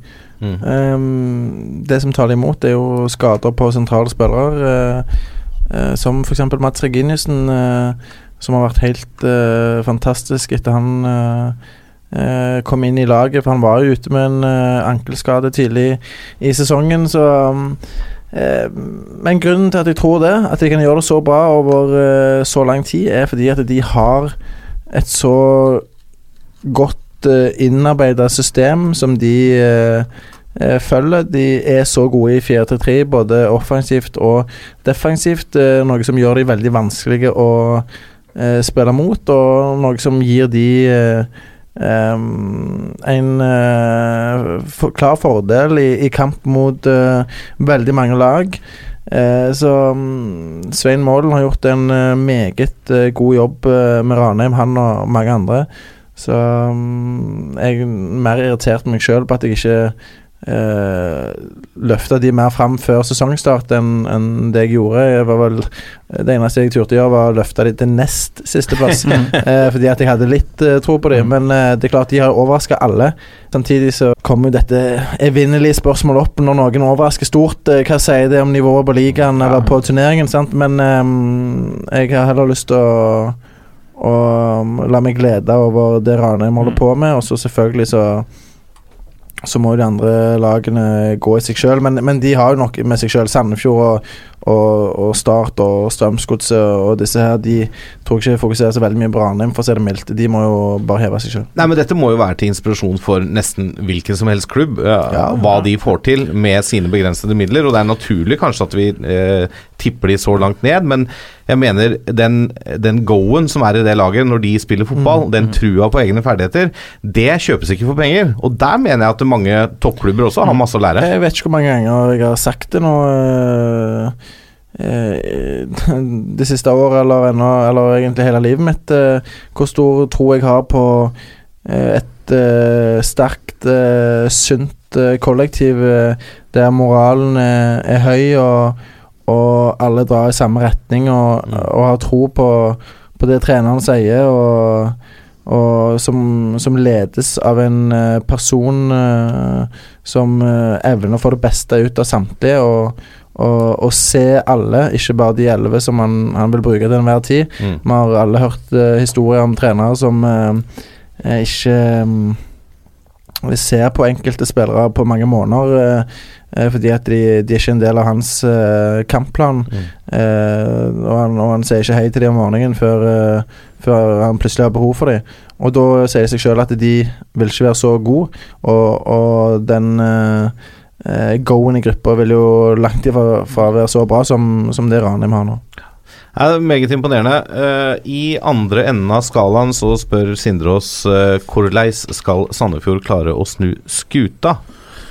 Ja, nei, først så må jo Sandefjord finne ut hva de vil. Altså, da tenker jeg jo på trener nå, først og fremst. Nå er det jo Geir Ludvig Fevang har dispensasjon til å få lov til å trene dem, og så eh, har man ikke helt satt seg noen plan for hvor man vil hen der, og hvor lenge han skal være det. og uh, jeg syns det er litt sånn tydelig tegn da, på at det, det mangler liksom det der engasjementet og trøkket som trengs. Liksom den der, eh, skal Sandefjord klare seg, da, så må de ha litt ekstra faenskap som gjør at de kan faktisk klare seg mot større lag. Eh, det hadde de i fjor, da klarte de det, selv om alle tippa dem ned da òg. Eh, nå er det liksom noe litt sånn dødt og resignert over det. Og så har vi snakka formasjon, og det byttes på lag, og man, finner ikke helt de spillerne som skal prestere, og de som skal være de beste, er ikke gode, og nå er Håvard Storbekk skada. Det yes, altså, Ting snur jo fort i fotball, men det er vanskelig her man sitter etter elleve runder og se at Sandefjord skal klare å snu rundt. Men punkt én, de må jo finne ut hvem som skal trene dem, og det er de nødt til å gjøre ganske snart. Nå kommer det jo en landslagspause. I løpet av den så må de ha et eller annet klart. Altså, jeg har ikke inngående kjennskap til personene som styrer Sandefjord. Derfor skal jeg i utgangspunktet være forsiktig med å kritisere dem. Men hva er det de holder på med? De henter inn Magnus Powell, sparker han etter 99 dager og, og seks runder. Og så går det en måned nå der de ikke har en trener på plass. Og hvis ikke det dukker opp en uh, ut fra nærmest intet, så, så virker det ikke som de kommer til å ha en på plass heller på, på en stund. Så liksom, hva, hva, hva tenker vi med? Ja, men også, okay, la, la oss tenke litt på det. Hva, hva gjør de nå? En annen, Ja, klubb som, det? jo, men Ja, en, en annen helt klubb som kanskje man kan tenke litt det samme om, uh, Start. Ja, Mark men- Dempsey fikk ti kamper. Mm. Han er ledig. Er, bør han være aktuell for Sandefjord? Ja, altså det Det hadde ikke forundra meg om han var det, for å si det sånn. Uh, men uh, men eh, selvfølgelig, Start Start er jo på en måte i, litt samme situasjon. De òg henta inn en mann, men eh, det funka ikke. Eh, så, så, så ja, det kan du si. Eh, men der eh, har det skjedd veldig ferskt. eh, eller det er veldig kort tid siden, og, Og det kan godt være at det dukker opp en mann der eh, rimelig kjapt, og da er det jo mer naturlig. Mens i, i Sandefjord så virker de det bare skurer og går, liksom? De virker å være på ville veier, og jeg leste en uttalelse om at eh, det var ikke noe veldig hast med å få på plass en ny trener, fordi eh, de hadde Fevang, og, og han hadde en, eh, en stor respekt i gruppa og sånn, og det er vel og bra at han har det, men eh, altså, for meg så virker det bare sånn Virker det som de nesten har budsjettert nedrykk nå, eller? Nei, det tror jeg ikke de har gjort, men allikevel, det er bare sånn Jeg, jeg blir helt matt, jeg. jeg. Jeg vet ikke hva mer jeg skal si om, om uh, hva Sandefjord holdt på med denne sesongen. Men uh, siden vi var innom start, da. Uh, fikk Mark Dempsey for liten tid? Altså Det er ti kamper. altså De, de sparka Ja. Steinar Pedersen i fjor høst, da de lå an til opprykk. De Mm. rykka opp. Henter Mark Dempsey, en drøss med nye spillere. Ja. Tor Christian Carlsen, Start en drøm. Alt sammen er på plass. Ja. Og så selvfølgelig begynner det Men dårlig. du må huske på at de hadde gått ni matcher uten seier. Mm. Ni. Eh, De fleste sitter uttrykt da, er det det du mener? ja, utvilsomt. Eh, og hvis du ikke da føler at eh, eh, der er på en måte lys i enden av denne berømte tunnelen, og at det er eh, knapper eh, Dempsey kan trykke på, eh, som gjør at dette vil snu, så må du ta grep. Og Dempsey begynte å fremstå litt rådvill sjøl. Han, han sånn eh, Hva på en måte skal jeg gjøre? Eh, Man har prøvd alt, eh, mer eller mindre, sant? Og, og da skjønner jeg at eh, At man tar grep. Og klart, det er jo omdiskutert og omstridt når du gjør det. Du kan alltid argumentere for og imot. Eh, men jeg har mer forståelse for det som har skjedd på Sørlandet, eh, enn det som skjer i Sandefjord. Blir, blir det kjøpefest i Kristiansand til sommeren igjen? Nei, altså, jeg håper egentlig ikke det. Jeg, eh, eh, hadde jeg vært i Start, så hadde jeg eh, Nå skal ikke jeg sitte her og late som at jeg eh, har hele vedet, som vi sier på Randaberg og i Stavanger, for det har jeg overhodet ikke. Men eh, hvis jeg skal gi min mening, så er det at eh, jeg vil hente eh, to-tre etablerte eliteseriespillere Mm. som, som vet hva dette går i, som er lederskikkelser, som kan gå rett inn og, og styrke eh, Jeg vil hente en toppspiss. Jeg vil hente en topp sentral midtbanespiller, jeg vil hente en topp stopper og gjerne en topp keeper òg. Mm. Jeg vil styrke hele sentrallinja der. Ja. Og hvis de har de ressursene som jeg tror de har til å gjøre det, eh, så, så hadde jeg gått for det utvilsomt. Siste spørsmålet fra Sindre er eh, også om et annet lag som eh, sliter litt om dagen. Hvor langt ned kan Strømsgodset komme? Ja, du skulle jo tro at det var 2017-utgaven av Toppfotball du satt og hørte på nå. For det. Fjorårssesongen var jo snål. Da var de jo elendige og så ikke ut som et lag på våren. Og så hadde de et par fantastiske spillere som faktisk løfta dem kanskje mer enn kollektivet, nesten. Men eh, de fungerte mye bedre på høsten i fjor, også som lag. Eh, nå syns jeg lite fungerer der, men det er klart de har også hatt en del marginer imot. da. Eh, hadde de vunnet den kampen eh, mot Sarpsborg sånn som de burde, eh, da var det jo sjanseorgie der, og rett etter at de har brent en enorm dobbeltsjanse, så lager de straffe og får eh, mål i sekken isteden. Uh, men altså mest bekymringsverdig er jo at eh, de to som var best i fjor, Basel Gerradi og Eirik Ulland Andersen, eh, de ligner jo ikke seg selv i det hele tatt. Eh, de har ikke fått i gang det offensive arsenalet sitt. De har henta inn Moussa Abdelaue, som de ikke har funnet noe plass til. Og når han har fått sjansen på kant eller som innbytter, så har han ikke prestert. og eh, Tokmak har vært eh, litt opp og veldig mye ned og vært altfor ustabil. Og Markus Pedersen starta bra, men som du sa, har begynt å bli litt borte. Eh, og så bakover så gjør de mye rart. Lars Wilsvik har begynt å se ut, eh, etter mange år da, som en klassebekk, så har han begynt å se ut som et nesten svakt punkt. Eh, gjør mye enkle posisjoneringsfeil og andre blundere bakover. Eh, det de holdt på med i Kristiansund, var jo helt komitime. Altså, det var jo dum, dummere, dummest, så det ut som, eh, som var leken eh, bak i forsvaret der. Eh, og det var mange verdige kandidater. Så de er jo inne i en ordentlig ond sirkel, og liksom alt begynner å gå litt mot, og de lette seierne kommer ikke i det hele tatt. Det er nok kvalitet i det laget til at de skal løfte seg opp på øvre halvdel. Jeg tror ikke godset kommer til å bli der nede, fordi det er så mye kvalitet at det kan ikke skje. Men, Men, men eh, klarer, de- klarer de å gjøre en reprise av fjoråret og, og ta tredje-fjerdeplass?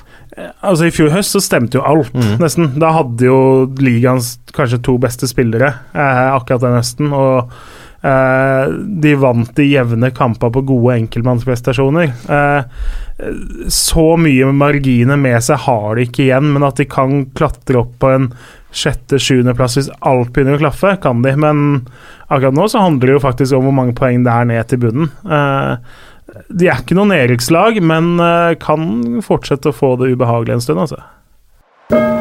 Dette er toppfotball. Og da har vi kommet til preview, hvor vi tar en eh, nærmere titt på neste eliteserierunde, som spilles til helgen. Og den sparkes i gang på Intility Arena lørdag klokken 17. Den er altså flyttet én time fram, sånn at eh, folk skal rekke en sånn kamp i en uh, europeisk uh, turnering. Um, Vålerenga-Lillestrøm der, altså. Dette er jo en typisk kamp hvor form og tabellposisjon eh, nesten bare kan legges til side. Altså De kampene her lever sitt eget liv uansett hva som har skjedd i ukene opp mot kampen, form og alt sånt. Det er et skikkelig lokaloppgjør med masse historikk og bra med mobilisering både fra spillere, supportere og media. Dette er, jo, dette er jo en sånn type kamp man bare gleder seg til, er ikke det, gutter? Definitivt. Jeg skal opp og kikke sjøl, og jeg håper det blir eh, fullt hus. Og et uh, fryktelig trøkk. Jeg har jo da valgt å ikke se på terminlista når jeg har bestilt ferie, så jeg sitter på et fly på vei til Kroatia når denne kampen spilles. Mm. gleder meg masse til SMS-er når jeg lander. Det, det er sånne ting som faktisk gjør vondt. Det er sånn, Ja, men det har, det har jeg lært av, av tidligere feil, for eh, det er en del år siden eh, jeg begynte å, å se på terminlistene rundt omkring i, i, i de forskjellige land, holdt på å si, Norge og, og England eh, primært, da, hvis jeg skal invitere til et eller annet uh, greier, så skal i hvert fall ikke jeg rote det til med et eller annet. Eller Nei. flybilletter hjem på en søndag. Da, Ja, ja. da legger jeg det enten veldig tidlig eller veldig veldig sent. Ja, sant, så i tilfelle forsinkelser. Ja. Men uh, selv om disse kampene lever sitt eget liv, så ser vi litt grann på statistikken. Uh, de møtes altså for 83. gang i historien, og det er ganske jevnt. 27 seire til Vålinga, 26 uavgjort og 29 Vålinga- nei, Lillestrøm-seire. 99-97 er målforskjell, så det er jo sjanse for at begge lag kan eh, få 100. eh, sin 100. scoring mot eh, motstanderen. I Oslo viser statistikken 12 VIF-seire, 18 uavgjort og 10 LSK-seire, med en målforskjell på 52-46. Lagene vant hvert sitt oppgjør i fjor, Vålerenga med 3-1 på Ullevål i juni og LSK med 2-1 på Åråsen i august. Vålerenga nå i forrige runde var jo virkelig ikke til stede på Alfheim, spesielt i første omgang. Og de må opp eh, ganske mange hakk om de skal få med seg et resultat mot LSK, som vel er en type motstander Vålerenga kan slite litt mot. LSK ligger gjerne dypt og kompakt og er kontringssterke, og når det sitter, så er de vanskelig å møte. Og de leverte en meget god kamp, syns jeg, mot serieleder Brann uh, sist, og føler seg nok litt snytt da de kun fikk uavgjort. Spesielt siden utligningsmålet til Brann kunne vært annullert uh, på en hands, hands uh, på Komsom. Men samtidig, Brann blir kanskje snytt for i hvert fall én straffe, kanskje to i løpet av kampen, så det, det går jo litt opp i opp, det her. Lillestrøm har ikke vunnet i Oslo siden 2012-sesongen, og på de fem siste kampene på Vålerengas daværende hjemmebane har tre kamper endt uavgjort, og to kamper har endt med seier til VIF. Uh, LSK borte i år står med én seier og fem tap og 7-14 i målforskjell. Eh, Seieren kom da i forrige bortekamp, hvor de klarte det Vålerenga ikke klarte, å slå Tromsø på Alfheim. Vålerenga har 2-2-1 og 6-7 i målforskjell på eget kunstgress. Det er ingen karantener, selv om kanskje Frode Kippe var i faresonen eh, etter brytekampen. Men Vålerenga-kaptein Daniel Fredheim Holm sto over uh, mot Tromsø pga. en skade og er vel usikker. Jonathan Tollos Nation og Samuel Adekugbe står i faresonen for karantene i neste oppgjør. Det samme gjelder LSK-kaptein eh, Frode Kippe. Eh, ja, som uh, jeg vil egentlig ha lagt opp til litt her, i at uh, tabellposisjon og form kan legges til side. Det her er jo en pip åpen kamp, kan slå alle veier. Det er ikke usannsynlig at det blir 1-1, eh, 0-0, eller at det blir en ettmålsseier til et av lagene. Det er helt umulig å vite. Det er dagsform og viljen til å trøkke til som blir avgjørende her. Eh, søndag klokken 18 er det noen kamper. Vi begynner eh, i Haugesund, hvor eh, Haugesund tar imot Tromsø, Bårdsen. Ja, altså det mm, kan bli en eh, interessant match. Det er jo eh, eh, to lag som eh, Som på en måte har heng på toppen, får man si. Det er jo Haugesund som har gjort det veldig bra. De ligger nå på en femteplass etter tapet mot Rosenborg sist, mens eh, Molde, nei, Molde sier jeg, Tromsø bare er poenget bak eh, eh, på en syvende. Eh, så mm, kan du jo spørre på en måte hvem som har eh, eh, imponert mest denne sesongen, og for min del så er det vel gjerne Tromsø som har vist det største toppnivået av de to lagene, men Haugesund eh, har prestert mest stabilt og, og er veldig gjerrig bakover. Og, um, og et uh, lag som er vanskelig å, å bryte ned. Samtidig så har jo Tromsø disse typene som kan gjøre det, i uh, først og fremst Gjermund Aasen.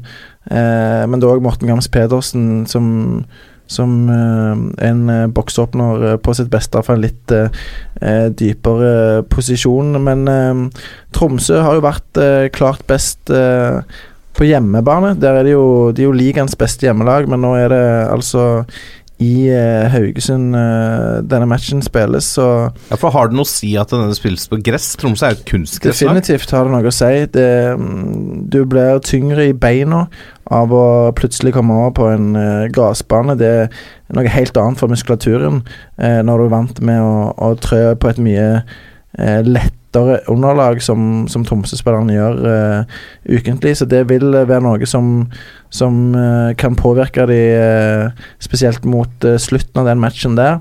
Men jeg holder Haugesund som en, som en ørliten favoritt, fordi at de er på hjemmebane. Men nå gikk Kristian Grindheim ut med en, en hamstringskade mot Rosenborg. eh, eh, så um, jeg går ut fra at han mister det oppgjøret her. Og, og det er et uh, hardt slag for, for Haugesund, fordi han har sett veldig bra ut og, og virka pigg i, i starten av matchen mot Rosenborg òg, men um, ja, det, for meg så virker det ganske åpent. Eh, Jeg blir ikke overraska om, om denne med en uh, uavgjort. Uh, uh, men um, ja, det, det kan vippe begge veier. På Skagerrak Arena så er det to kunstgresslag som møtes, eh, Kjernås. Odd tar imot Kristiansund. Hva tror du om den kampen? Nei, eh, det er jo to tabellnaboer. Eh, og tiendeplass. Eh, Odd har jo vært fryktelig sterke de, på hjemmebane. De har vunnet de fire siste hjemmekampene nå. Eh, runden før det så holdt de RBK til 1-1. Så hjemmeformen i Skien er det jo ikke noe å si på. Eh, men så kom jo Kristiansund med en god opplevelse og 4-0 mot uh, Strømsgodset. Strålende prestasjon av dem. Uh, jeg syns det er en av de hva skal vi si, jevneste, mest interessante sånn sett oppgjørene da, som du kan få i en sånn runde. For uh, Odd mangler jo nå eh, Fredrik Semb.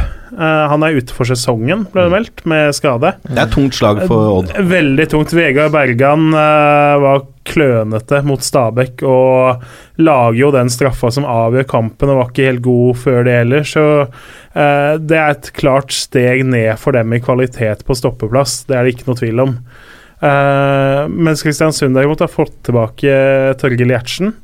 Eh, han og Bamba, uh, kontringsstyrke her mot uh, Odd. Det blir et fotballfaglig interessant å se det. Så satt jeg og titta litt og ser jo Apropos, apropos heter det.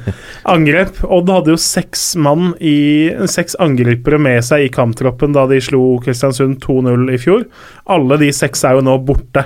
Ja. Ingen av dem spiller i Odd mer, så der har det jo vært litt utskiftninger. Eh, Torgeir Børven har nå scora i de to siste. Det er jo han som skal være førstevalget og den som scorer målene for dem. Så, så har jo både Martin Broberg og Birk Risa og Tobias Lauritzen gjort en OK stand-in mens han har vært ute. Men eh, en Børven i målform trenger de, for han er jo den fremste målgjøreren de har, fram til vi og andre venter på Lauritzen. Men eh, knapp på. Eh, også litt på hjemmebane. Odd er et hakket bedre lag osv. Så, videre, så eh, den ender hjemme oftere enn den ender noe annet. Skjønner. I uh, Molde så tar et hjemmelag som sliter litt imot uh, et startlag som har slitt, men endelig fikk seg en seier i forrige runde, Bårdsen. Molde Start, hva tenker du? Ja, du ser Molde sliter litt, og det gjør de fordi de står med bare én seier på de siste seks matchene. Uh, ligger helt nede på en åttendeplass på tabellen etter å åpne forrykende. Og Men det er tett der bak, bak Brann, Rosenborg og Ranheim. Det er tett, ja, men, men allikevel det, det, det ser ikke veldig bra ut i, i Molde akkurat nå. Og um, de får besøk av et uh, lag som har fått en uh, etterlengta nyvunnen uh, selvtillit eh, etter um, 1-0-seieren og, og skåringen til Børrefsen mot uh, Bodø-Glimt. Eh, eh, men jeg tror ikke Molde frykter Start. Eh, det har de jo heller ingen grunn til. Men eh, Molde må, som Strømsgodset eh, Bare at situasjonen er ikke like prekær i Molde, så, så må de finne seg sjøl. Eh, de må finne ut hvordan de har lyst til å framstå.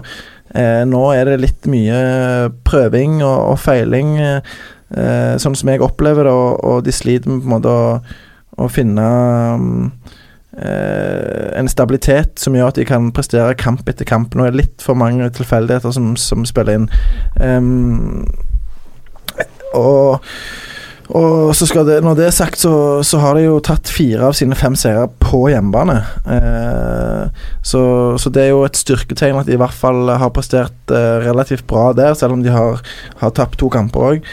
Eh, så, så de er jo soleklar favoritt mot et startlag som eh, eh, gikk ni matcher uten eh, seier før de vant nå sist. og og har slitt noe voldsomt. Men um, i og med at de fikk den oppturen de gjorde nå, så, så har de fått et uh, berettiget håp. Og um, jeg blir ikke overraska om, om Start uh, tar tre poeng i, i Molde. Det, det er ikke mye som overrasker meg i Eliteserien lenger.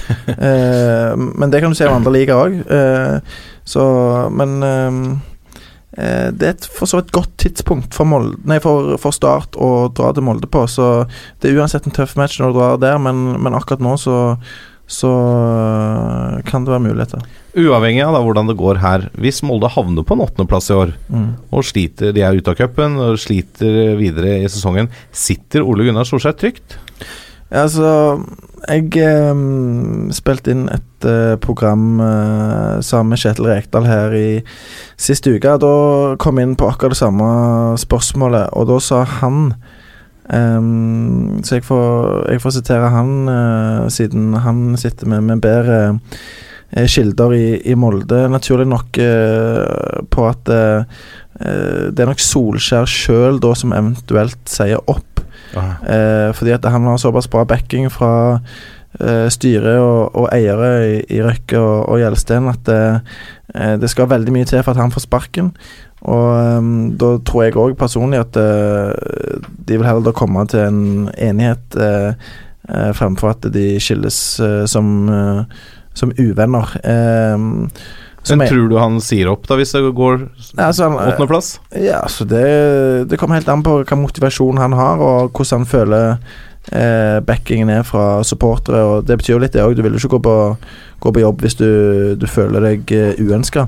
I hvert fall ikke over lang tid. Uh, men uh, det blir fort misnøye i Molde. Men eh, jeg mener at man må være litt mer tålmodig med Solskjær. Eh, de hadde en periode i fjor òg der de sleit, men eh, av, mai, det òg. ja, sant, og, men avslutta sterkt med, med en andreplass. Eh, så ro, ta, ta det litt rolig, og, og, og se an situasjonen litt. Og, og støtt, eh, støtt laget, vil jeg eh, sagt til de supporterne.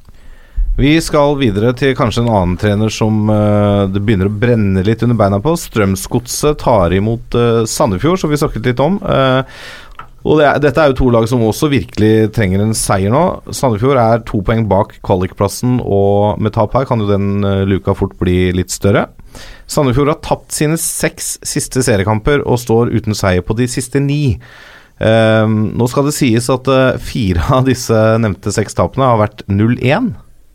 Så det er, jo, det er jo ikke så store resultater i alle disse kampene. Strømsgodset har det ikke veldig mye bedre. De har seks kamper på rad uten seier, fem tap og ett uavgjort, og ligger bare målforskjellen foran Bodø-Glimt på kvalikplassen. Og som vi nevnte, Strømsgodset ble virkelig rundspilt, altså borte mot Kristiansund sist, og både keeper Espen Bugge Pettersen og flere har meldt at resultatet kunne vært styggere, rett og slett. Eh, De møtes for 21. gang i historien. Eh, 13 seire til Godset, to uavgjort og fem til Sandefjord. I Drammen har Sandefjord kun vunnet én gang, og da må vi tilbake til 2-0-seieren i førstedivisjon i 2003. Så det er vel på tide at Sandefjord tar seg en borteseier i Drammen. eh, Godset har vunnet syv av oppgjørene i Drammen, og to har endt uavgjort. I fjor ble det 1-0 til Godset på Marienlyst og 2-1 til Godset i Sandefjord. Eh, hjemme i år så har Godset én seier, to øvert og to tap, med 7-6 i målforskjell. Sandefjord tok sin eneste seier for året borte, men eh, har ikke spilt uavgjort på fremmedgress og står med fire tap. 5-16 i målforskjell på bortebane, den er ganske stygg. Det er ikke noen karantener, men Markus Pedersen må sone neste runde om han havner i dommerens bok her, og det kan jo Han er jo truende til å havne der. Eh, Godset står uten tap mot Sandefjord på de siste syv innbyrdes, og jeg, jeg mener Godset her er storfavoritter til tross for eh, formkurven de er i. Eh, Det, og det var jo omtrent på disse tider i fjor at de snudde det i Drammen i fjorårssesongen, og, og det kan fort vise seg at denne kampen også blir starten på en snuoperasjon. Det tror jeg i hvert fall blir viktig, da. eh, For jeg, jeg er litt usikker på om eh, tålmodigheten med Skullerud holder en uh, forlenga dårlig periode nå, da, eh, lik den som var i fjor. Det, det var, begynte jo å murre litt i fjor òg med den starten, og så redda de det inn på høsten. Eller sommeren og høsten. Det blir spenn, spennende å se nå om de klarer å gjenskape en like god avslutning på sesongen og, og klatre og klatre og klatre, og om eh, Skullerud eh, beholder tilliten der borte. Hva tenker du om det, Jørgen? Tror du Skullerud har tillit i Drammen? Man har tillit til man ikke har tillit uh, lenger. Er det ikke så enkelt, da? Jo. Eh, han er nødt til å begynne å få det laget til å prestere. Eh, som vi var inne på, de er inne i en vond og dårlig trend nå. Eh, men samtidig, da, å møte Sandefjord hjemme, det er jo på en måte ikke noe bedre eh, enklere oppgave enn det i Eliteserien akkurat nå. De er det svakeste laget per nå, og du møter dem hjemme. Eh, samtidig da, så kan du jo si at du har alt å tape på, for vinner de ikke den kampen her, så begynner det virkelig å bli, bli ubehagelig for Skullerud, da. Men eh, jeg tror de vinner det ganske greit. Jeg tror kanskje et par av de som ikke har løsna for, uh, kan bruke denne anledningen her. Vi drar videre nord i landet, Bårdsen. Bodø-Glimt tar imot Ranheim, og før sesongen så hadde vi vel kanskje satt Bodø-Glimt som favoritt her, men nå er det kanskje bortelaget som må bære det stempelet, eller? Det vil jeg definitivt eh, si uten å sjekke uh, bookien eh, rundt forbi, men um, Du får, du får god uh, hvis, verdi hvis, du, hvis man mener Ranheim er favoritt, for Bodø-Glimt står til rundt to i odds, så Ja, da, da, vil jeg, eh, da vil jeg laste litt penger på Ranheim, for å si det sånn. uh, og det er enkelt og greit, fordi Ranheim har vunnet syv av elleve kamper. Ja, det er helt sjukt. Syv av elleve kamper de har vunnet. Og eh, Bodø-Glimt har eh, kun vunnet to av elleve, og én på sine siste ti. Eh, så her mener jeg at eh, Ranheim er favoritter, og de eh, har et eh, momentum som eh, er helt vilt akkurat nå. Eh, de har en Mats Reginiussen som har putta syv mål fra sin indreløperposisjon. Det er ett eh, mindre enn uh, toppskårer eh, Markus Pedersen. Sant? Det er helt vilt. Og, og det er ikke en tilfeldighet heller, eller tilfeldigheter som har gjort at eh, de ligger på tredjeplass i Eliteserien etter elleve spilte kamper. Det er helt vilt. Um, så jeg ser ingen grunn til at dette her skal plutselig stoppe. Og Bodø-Glimt har jo prestert langt under paret i foreløpig. De ligger på kvalikplass. Eh, må kjempe beinhardt for hvert poeng. Eh, du ser at det koster. Eh, skuffa med å tape borte mot eh, Start. Eh, så jeg på en måte negativt overraska over Bodø-Glimt. Eh, for det var et lag som jeg hadde forventninger til. Jeg syns egentlig alltid at det har vært eh, kult å se eh, Bodø-Glimt spille fotball. Eh, de er eh, kontringssterke og, og skårer mye mål, eh, normalt sett. Men de har slitt, og jeg tror de vil innrømme det sjøl òg, at eh, de, de har ikke fått det til å klaffe så langt denne sesongen her. Og jeg tror de frykter Ranheim, jeg. Jeg tror de tenker at eh, helvete, nå kommer Ranheim. Eh, en galen gjeng fra Trondheim som eh, har så mye selvtillit at de eh, eh, fort kan kjøre over oss her, selv om det er på hjemmebane. Det tror jeg Glimt det han tenker. Og Og det gjør ikke situasjonen noe bedre. Så er det jo eh, opp til, til gjengen i, i Bodø å snu den eh, tankegangen og, og mentaliteten og prøve å komme i angrepsposisjon. For nå virker det som de på en måte er på en veldig sånn nedadgående kurve, som gjør at eh, eh, de ikke eh, får den energien i spillet og, og, og den goen i gruppa som de er helt avhengig av å ha for å eh, hevde seg i Eliteserien. Kan jeg bare få si to ting? Ja, selvfølgelig. En er jeg helt enig med Joakim at jeg syns Bodø-Glimt er De har skuffa meg ordentlig. Eh, I fjor så var det jo De var litt sånn som Ranheim her nå. Da, peisa på offensivt og skårte jo mål på mål på mål på mål. uh, da vi var og snakka med bl.a. Ulrik Saltnes på det her kickoffet før sesongstart, så spurte vi jo kommer dere nå som nyopprykka, så er dere litt mer underdogs. Blir det en annen spillestil? Nei, de skulle peise på liksom være det samme Glimt som de var i 2017.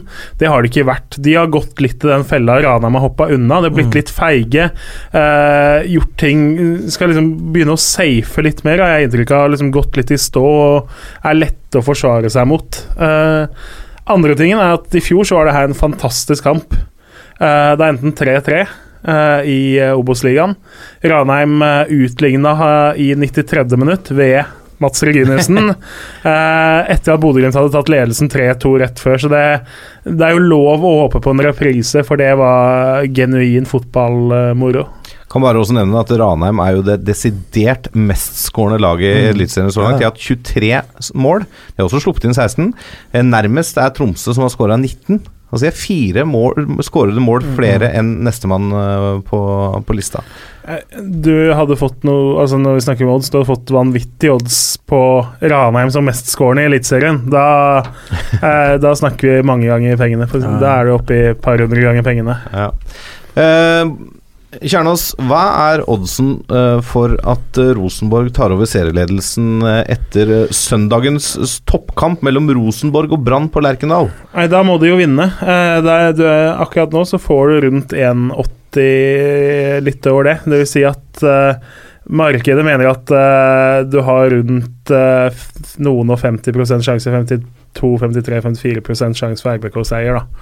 Uh, Syns nok det er en riktig vurdering, selv om det er klart at det høres jo brutalt ut når du møter et lag som topper tabellen med 11 kamper uten eh, tap. Eh, men så har jo da Brann gått fra å vinne, vinne, vinne, vinne til at de to siste kampene mot Haugesund og LSK nå, så har de jo spilt uavgjort og sett litt mer menneskelig ut enn det de gjorde tidligere. Eh, men nå får de jo tilbake Sivert Heltene Nilsen på midtbanen, da. Eh, Amur Ordagic fungerte ikke i den uh, dype rollen i det hele tatt på Åråsen. Uh, har- mangler veldig mange av de egenskapene som Heltene Nilsen utfører til fulle. Det var en av bergensavisene som skrev at du kan ikke bytte ut en pitbull med en puddel, eller hva det var de kalte det. Og det er egentlig et godt bilde på det, da. For det, Ordagic er en fin spiller, men han er, ikke, han er så langt unna Heltene Nilsen det kommer, nesten. Eh, samtidig, når vi snakker om spillere da, som kan være på vei tilbake, blir det jo veldig interessant å se hva Rosenborg gjør hvis Niklas Bentner er spilleklar. Han er, jo, uh, han er jo i dag i Berlin og tatoverer seg. Ikke sant? Så det, det virker som han er på en rundreise. Uh, men Alexander Sødlund var jo klok og god. Han viste jo uh, smarte spissegenskaper på, holdt på, å si, på hjemmebane i Haugesund. Eh, eh, og vi har jo snakka om Eurosport, der hvor de viser de hvor han Han stikker jo fra, ikke sant. Og uh, hvis du ser det er ikke så lett å se liksom ved første øyekast, men når du begynner å studere de bevegelsene hans de sekundene før målene, så kommer han seg fri. Han sniker seg mellom stopperne, finner rom. Uh, Funka bra der. Og så har Rosenborg med Meling opp på venstre og eh, med en kantspiller på venstre kant, så har de fått i gang den venstresida som de ikke fikk i gang da både Søderlund og Bentner spilte, annet enn mot Molde, da. Eh, så jeg tror jo Søderlund kommer til å starte den kampen selv om Bentner er spilleklar. Ja, ok, Eh, så, ja, fordi jeg har jo hatt et inntrykk av at Bentner han, Er han klar, så spiller han uansett. Ja, det, det blir veldig interessant å se, men det, det er vanskelig å sette ut Sødlund i den formen han er i nå. Og så er kanskje ikke Bentner 100, og så har ikke han vært helt på. Uh, Nei, også, og jeg har Grunnen til at jeg sier at uh, Bentner er i Berlin Mm. tatoverer seg Han er vel gjerne ferdig med å tatovere seg nå, men jeg så ehm, Vi spiller inn på en onsdag, og det var vel tirsdag kveld jeg så han la ut uh, bilde av han var ferdig tatovert uh, over hele kassen, uh, og, og det er greit, men uh, eh, det er jo litt spesielt at han tilbringer eh, minst to dager eh, i Berlin midt i uka, men det kan jo være eh, fordi at eh, han er utelukka til den matchen, selv om han sa sjøl at han, han skulle være tilbake til Bayern-matchen, så, så får det meg til å tenke at han eh, gjerne allerede er utelukka, og, og derfor fikk et par dager i Berlin der han, han har trent i tillegg, ser jeg, alternativt. eh, noe styrkegreier. Eh, men eh, hvis han hadde vært i rute til den Bayern-matchen, så, så tror jeg ikke han hadde vært i Tyskland akkurat nå. Men- uh, Men er det ikke også litt det er- vanlig å sende spillere på rekolens i, til Tyskland? ja, det kan du si. Men det er så enkelt Altså, Rosenborg har hatt fri, eh, i hvert fall onsdag. Eh, sak på adressa, så sier jeg måtte sjekke noe, så sier Håkon Svabe at eh, Niklas Bentner er klar. Han trente fredag og lørdag, og trener for full tid mot helga. Ok. Eh, eller ja. Da, synes, så, men eh, da er det dårlig, dårlig research av meg. i- Nei, men det, altså, det jo, jo, men kan det- være spill for galleriet òg, på det, en måte. men hvis det stemmer, så, så, så er det fair enough. Men eh, allikevel, da. Jeg stusser jo på at du Uh, er i Berlin uh, to dager uh, midt i ei uke før uh, du spiller Mm. det som fort kan være én av to seriefinaler. Eh, det syns jeg er litt spesielt. Men, eh, men uansett så er jeg helt enig med den av dere som sa at Uh, eh, Søderlund eh, bør spille, eller kommer til å spille uansett. Det ville jeg ha gjort. Han så jo eh, veldig skarp ut mot Haugesund. Eh, to eh, klassemål. Ehm, den første som er sånn wow, Mm. uh, der han uh, vender vekk en, en forsvarsspiller uh, og, og banker han i mål, og, og det, det er høy, høy kvalitet. Og den andre headingen òg, som er godt satt. Så Søderlund virker jo å være akkurat der han skal være. Ehm, så jeg vil definitivt uh, starte med han i den matchen. Men uten å, uten å um, si noe negativt om Bentner, som er en fantastisk fotballspiller, passer Alexander Sødlund bedre som midtspiss i Rosenborgs 4-3-3 enn Bentner egentlig gjør? Ja, han er mer Rosenborg-spiss. Ja. Bentner er vel kanskje, eller er overalt, en bedre spiller. Det er han jo, men i det klare Rosenborg-systemet så syns jeg Søderlund er en bedre Du, du kan se litt sånn på det da at det, eh, hvis og når Rosenborg skal prøve å komme seg inn i Champions League, spille mot eh, de, de skikkelig gode lagene, eh, der du får veldig få sjanser, eh, der du ligger dypt eh, og, og skal bare skyve og og, ehm, og, og på en måte eh, gjøre det på dødballer, eller, eller prøve å sette opp spissen inn til én eller to sjanseløp i matchen, så ville jeg hatt Bentner. Men hjemme i Norge, der Rosenborg skal styre alle matcher, presse motstanderne høyt, eh, eh, fortrinnsvis, så er Søderlund bedre. Fordi Bentner har ikke det pressgenet i kroppen, mens eh, Søderlund eh, en eh, signalspiller til 1000 som trykker til, som egentlig Eh, det er veldig få andre i Eliteserien som, som er kapabel til Markus Pedersen, gjerne på, på sitt beste, på sitt Mhm. galneste. Men eh, Søderlund eh, setter standarden for det Rosenborg-laget med presspillet sitt, og, og det kan ikke undervurderes eh, i det hele tatt eh, hvor mye det betyr. Og, og du har sett eh, når eh, Rosenborg ikke har hatt en sånn type i, i det fremste leddet, så har det ført til langt færre gjenvinninger høyt i banen, og noe som, de, og, og noe som har gjort at de har blitt eh, spilt gjennom ledda. Det første pressleddet, selv om de har forsøkt å stå høyt, så har ikke presset vært godt nok. Da blir det spilt gjennom, og plutselig så er det masse rom å, å spille i for motstanderen.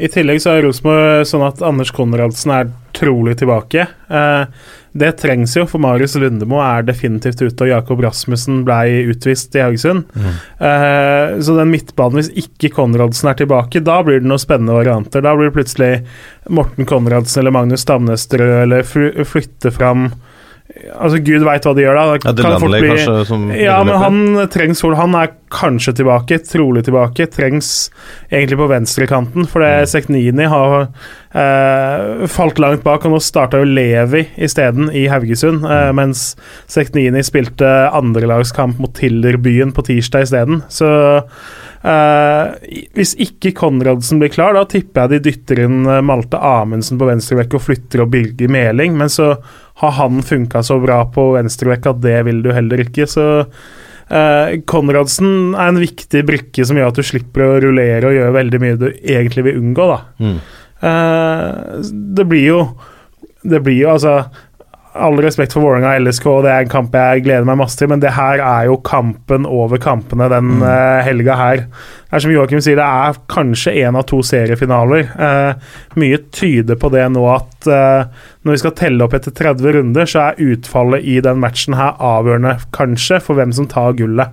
Eh, den er i hvert fall veldig avgjørende for hvordan det går fram mot sommerferien. Da. For det, enten så er jo Rosenborg spist opp hele forspranget, eller så kan Brann holde seg et hode over uh, ennå. Uh, mm. ja. jeg, jeg tror Rosenborg vinner, men det er vanskelig på en måte å tippe at Brann taper også, da. Ja. Men hvis eh, bare kjapt, Joakim, hvis Rosenborg vinner nå og tar over serieledelsen, er det da Da er det der de blir resten av sesongen, tror? Nei, det? nei, det vil jeg overhodet ikke eh, konkludert med Da er det jo A-poeng. Mm. Eh, og eh, Brann kommer aldri til å gi seg. Da skal de ha eh, noen voldsomme skadeproblemer som, som skal gjøre at de ikke klarer å henge med. Eh, Brann vil, eh, vil, vil ikke spasere inn til noe eh, seriegull her, men eh, hvis de havner bakpå, så vil de heller ikke gi seg. De vil eh, kjempe eh, til runde 30, garantert. Og det er jo et sånn type mannskap som eh, som eh, kommer til å være vonde å slå for ethvert lag, og som, som eh, Rosenborg skal jobbe veldig hardt for å, for å bryte ned. Det kan passe Brann bra at Rosenborg skal dominere denne matchen her på hjemmebane. De skal styre kampbildet, de skal spille seg ut bakfra. Hvis de tør å gjøre det. Med, med, med visshet om at uh, Brann vil jakte de uh, bruddene de kan. Men um, det ble en utrolig interessant match eh, mellom to eh, bunnsolide lag med to dyktige trenere, med to gode kollektiv. Eh, så jeg gleder meg veldig. Selvfølgelig, Det kan bli et antiklimaks. Det kan bli 0-0. Eh, det kan bli 1-1. Det kan bli en kjedelig match. To lag som eh, nøytraliserer hverandre. Det ser jeg overhodet ikke vekk ifra. Um, det er egentlig det mest uh, uh, nærliggende scenario for meg. Men uh, det blir i, i alle fall veldig nervepirrende gjennom 90 minutter. Runden avsluttes mandag 28. mai klokken 19.00 med ikke en like stor eh, kamp sånn eh, på papiret, men det kan jo bli en morsom kamp. Sarpsborg 08, som eh, har kommet seg litt etter en eh, dårlig periode, tar imot Stabæk, som fikk en viktig seier sist. eh, Jørgen, hva tror vi om den kampen? Nei, det er jo også en kamp altså, Sarpsborg har jo vært litt sånn, som du sier, kommet seg. De er jo faktisk oppe på fjerdeplass eh, nå. Eh, det til tross for at eh, de har ikke gjort mer enn de må eh, mot Sandefjord sist. Og i Drammen var de direkte heldige da de eh, vant den. Men så var det jo en imponerende 4-0-seier over Start midt i. Men det er klart, å få lov til å møte Start og Sandefjord på rad da er jo egentlig en god måte å komme på hektene igjen. Mm. Eh, og så er det litt sånn at jeg syns de fungerer veldig mye bedre på hjemmebane. Uh, syns det har sett ut som om det er at de tør å være litt mer seg selv, eller om at det er at motstanderne uh, legger seg bakpå litt mer, sånn at uh, de blir malt i stykker. Da. For borte så er det bl.a. satt inn Rashad Mohammed på topp og skulle kontre over han de to siste kampene. Uh, selv om de har vunnet begge, så har ikke det funka mer enn sånn middels minus, egentlig. Eh, mens på hjemmebane så har de en litt annen gameplan og bruker litt andre typer. Der det ofte kommer Agger eller Svarts inn eh, i den rollen. Uh, Stabæk tok jo en livsviktig seier. For dem så har jo sesongen virkelig starta litt sånn at de ser lette ut og har ikke klart å være truende nok og hurtig nok i angrepsspillet sitt. Eh, et par av de måla, altså målet til OI, den, da skulle den inn. Du ser når han stiger til værs der og header inn 1-1, så er det mye vilje som eh, kommer ut til det opphoppet. Eh, nå får de kanskje Moussa Njay med som en joker i den matchen. Han var tilbake nå og spilte en halvtime i andredivisjon uh, på tirsdag. Eh, da har de litt mer X-faktor også å sette innpå, men det er klart eh, Nå sist så kom bl.a. Uh, 2001-modell Oscar Aga kom innpå. Uh, spennende spiller, men det er klart da har du Njay innpå, så har du en annen uh, spillertype òg, og du har en som har prestert på høyere nivå. Uh, for den benken til Stabæk har sett faretruende tynn ut. Og eh, det er klart Jeg, jeg føler jeg følger ok med, men plutselig så dukka det jo opp to uh, kinesere på uh, benken deres her da de var borte og møtte Kristiansund. Var det? De, de har vært i klubben en stund, faktisk. De har jo det, men sant? plutselig så går de etter å ha spilt et par treningskamper, og de har ikke vært med i andredivisjon, så kommer de plutselig med og er på benken i uh, Eliteserien. Mm. Og det er jo for så vidt et spennende prosjekt, men det sier også litt om at eh, plutselig så dukker det opp to som ikke snakker språket, og som ikke har spilt andredivisjon, og så er de med på benken, for vi har egentlig ingen andre. Ja, men, Eh, de, men de trener faktisk med laget. Men, men uh, til daglig. Men en mann som jeg lot meg imponere veldig av i eh, 16. mai-matchen, det var Tobias Børkeie, som kom inn på mot uh, Vålerenga i en kamp der uh, Stabæk var elendige i første omgang. Eh, det er akkurat det Jørgen snakket om her med, med, med det med vilje. Ohi viste vilje mot Odd, men uh, mot Vålerenga så var det helt dødt. Mm. Det gikk så seint. Det var liksom Hvor var gnisten henne? Sant? Hvor var tælen? Eh, de har flust av gode spillere. Eh, de har Ohi, de har Boli, de har eh, Tony Brochmann som er eh, klasse på sitt beste. Eh, Hugo Vetlesen, sant. Men, men det var liksom ikke noe sting i det, sant. Jeg hadde lyst til å på en måte eh, riste de, sant. Eh, Du må Noen må fortelle de at eh, eh, på en måte de må skjerpe seg. Eh, og det gjorde de jo litt i andre omgangen der. De, eh, de, de kunne kommet eh, tilbake i den kampen der, men da kom Tobias Børke innpå i en sentral midtbanerolle og, og var pur klasse, rett og slett. Han eh, var rolig, god med ballen, gjorde, ventespillet kjapt, eh, slo gode stikkere. Eh, Ligna litt på Morten Thorsby i, i løpesettet eh, for øvrig, men, eh, men han eh, sånn, fikk jeg umiddelbart en, en forkjærlighet for. Eh, så han ble spennende å følge framover, men eh, men uh, det var ekstremt viktig for dem å, å slå tilbake mot Mm. Odd, og, og de må bare fortsette å, å, å heve seg som, som lag, fordi kvaliteten den er der i, i, bunn og grunn. For å runde av, da. Tror Ja. vi, tror vi bare si, Det som er kult med Børke, er jo, er jo han er vokst opp en kortpasning Mm. vel fra han Nadderud. Han er vel vokst opp i et av de husa rett bak tribuna. Eh, og I tillegg, Stabæk mot Odd hadde ni mann som har spilt juniorfotball ute på banen eh, for dem. Ja. Nå skal jo synes at Frank Poli og Mande Sayoba på en måte er importert og ikke har spilt altfor mange juniorminutter, da, men likevel, de har Mm. syv mann gjennom NTG-systemet som spiller den kampen. Eh, ekstremt imponerende. Men eh, Sarpsborg ganske klar favoritt i den kampen. Hjemmebane og et bedre lag eh, gjør at de skal vinne den kampen hvis de har medaljeambisjoner. Men det er potensiell eh, bombe. Ban- mm. Ja. Mm. Stabæk kan, kan ta den matchen. Spennende. Da er det bare å glede seg til eh, ny runde. Masse gøye kamper å følge enten på stadion, helst det. det vi trenger folk på stadionet, men eh, Folk i Oslo bør komme seg opp på Intility og se den matchen mellom ja, liksom. helt åpenbart. Jeg så i dag at det er solgt i overkant av 10 000 billetter, og de forventer opp mot 15 000. Da blir det jo trøkk inne på stadion der. Ja, og klanen er bra. Hver gang jeg er på, på Valle, så er klanen bra.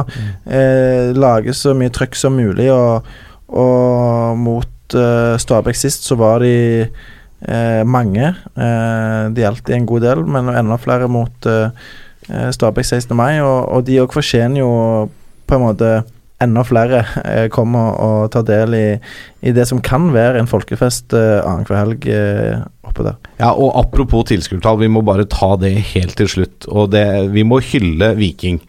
De tok altså imot, som du så vidt nevnte i stad, Ålesund hjemme på tirsdag. 7500 tilskuere. Den mest besøkte fotballkampen i landet i den eh, er pinserunden. Og det er i Obos-ligaen. Det er imponerende. Og runden før så hadde de eh, den nest mest besøkte 16. mai-kampen. ja, arenaen i landet, da det kom eh, nesten 16 000 mot eh, Sandnes Ulf. Eh, 16 000 som, fikk se Viking høvle over eh, eh, naboene og vinne 5-2. Og det var kun Rosenborg eh, eh, som hadde flere i, i matchen mot Lillestrøm. Og, og det er kjekt å se, fordi det, det er ingen eh, automatikk i at uh, Stavanger-folk eh, kommer på stadion i, i et så stort antall. og og det lover bra for eh, fortsettelsen for Viking, både økonomisk og, og sportslig dette året. her. Ja, vi trenger jo det. Vi trenger et Viking som, eh, som begeistrer sitt hjemmepublikum, og som kommer seg opp igjen. Altså, jeg, jeg vil se fulle hus på, på det som nå heter SR-Bank Arena i, i Stavanger, på Intility, på Åråsen, på Brann stadion, på Lerkendal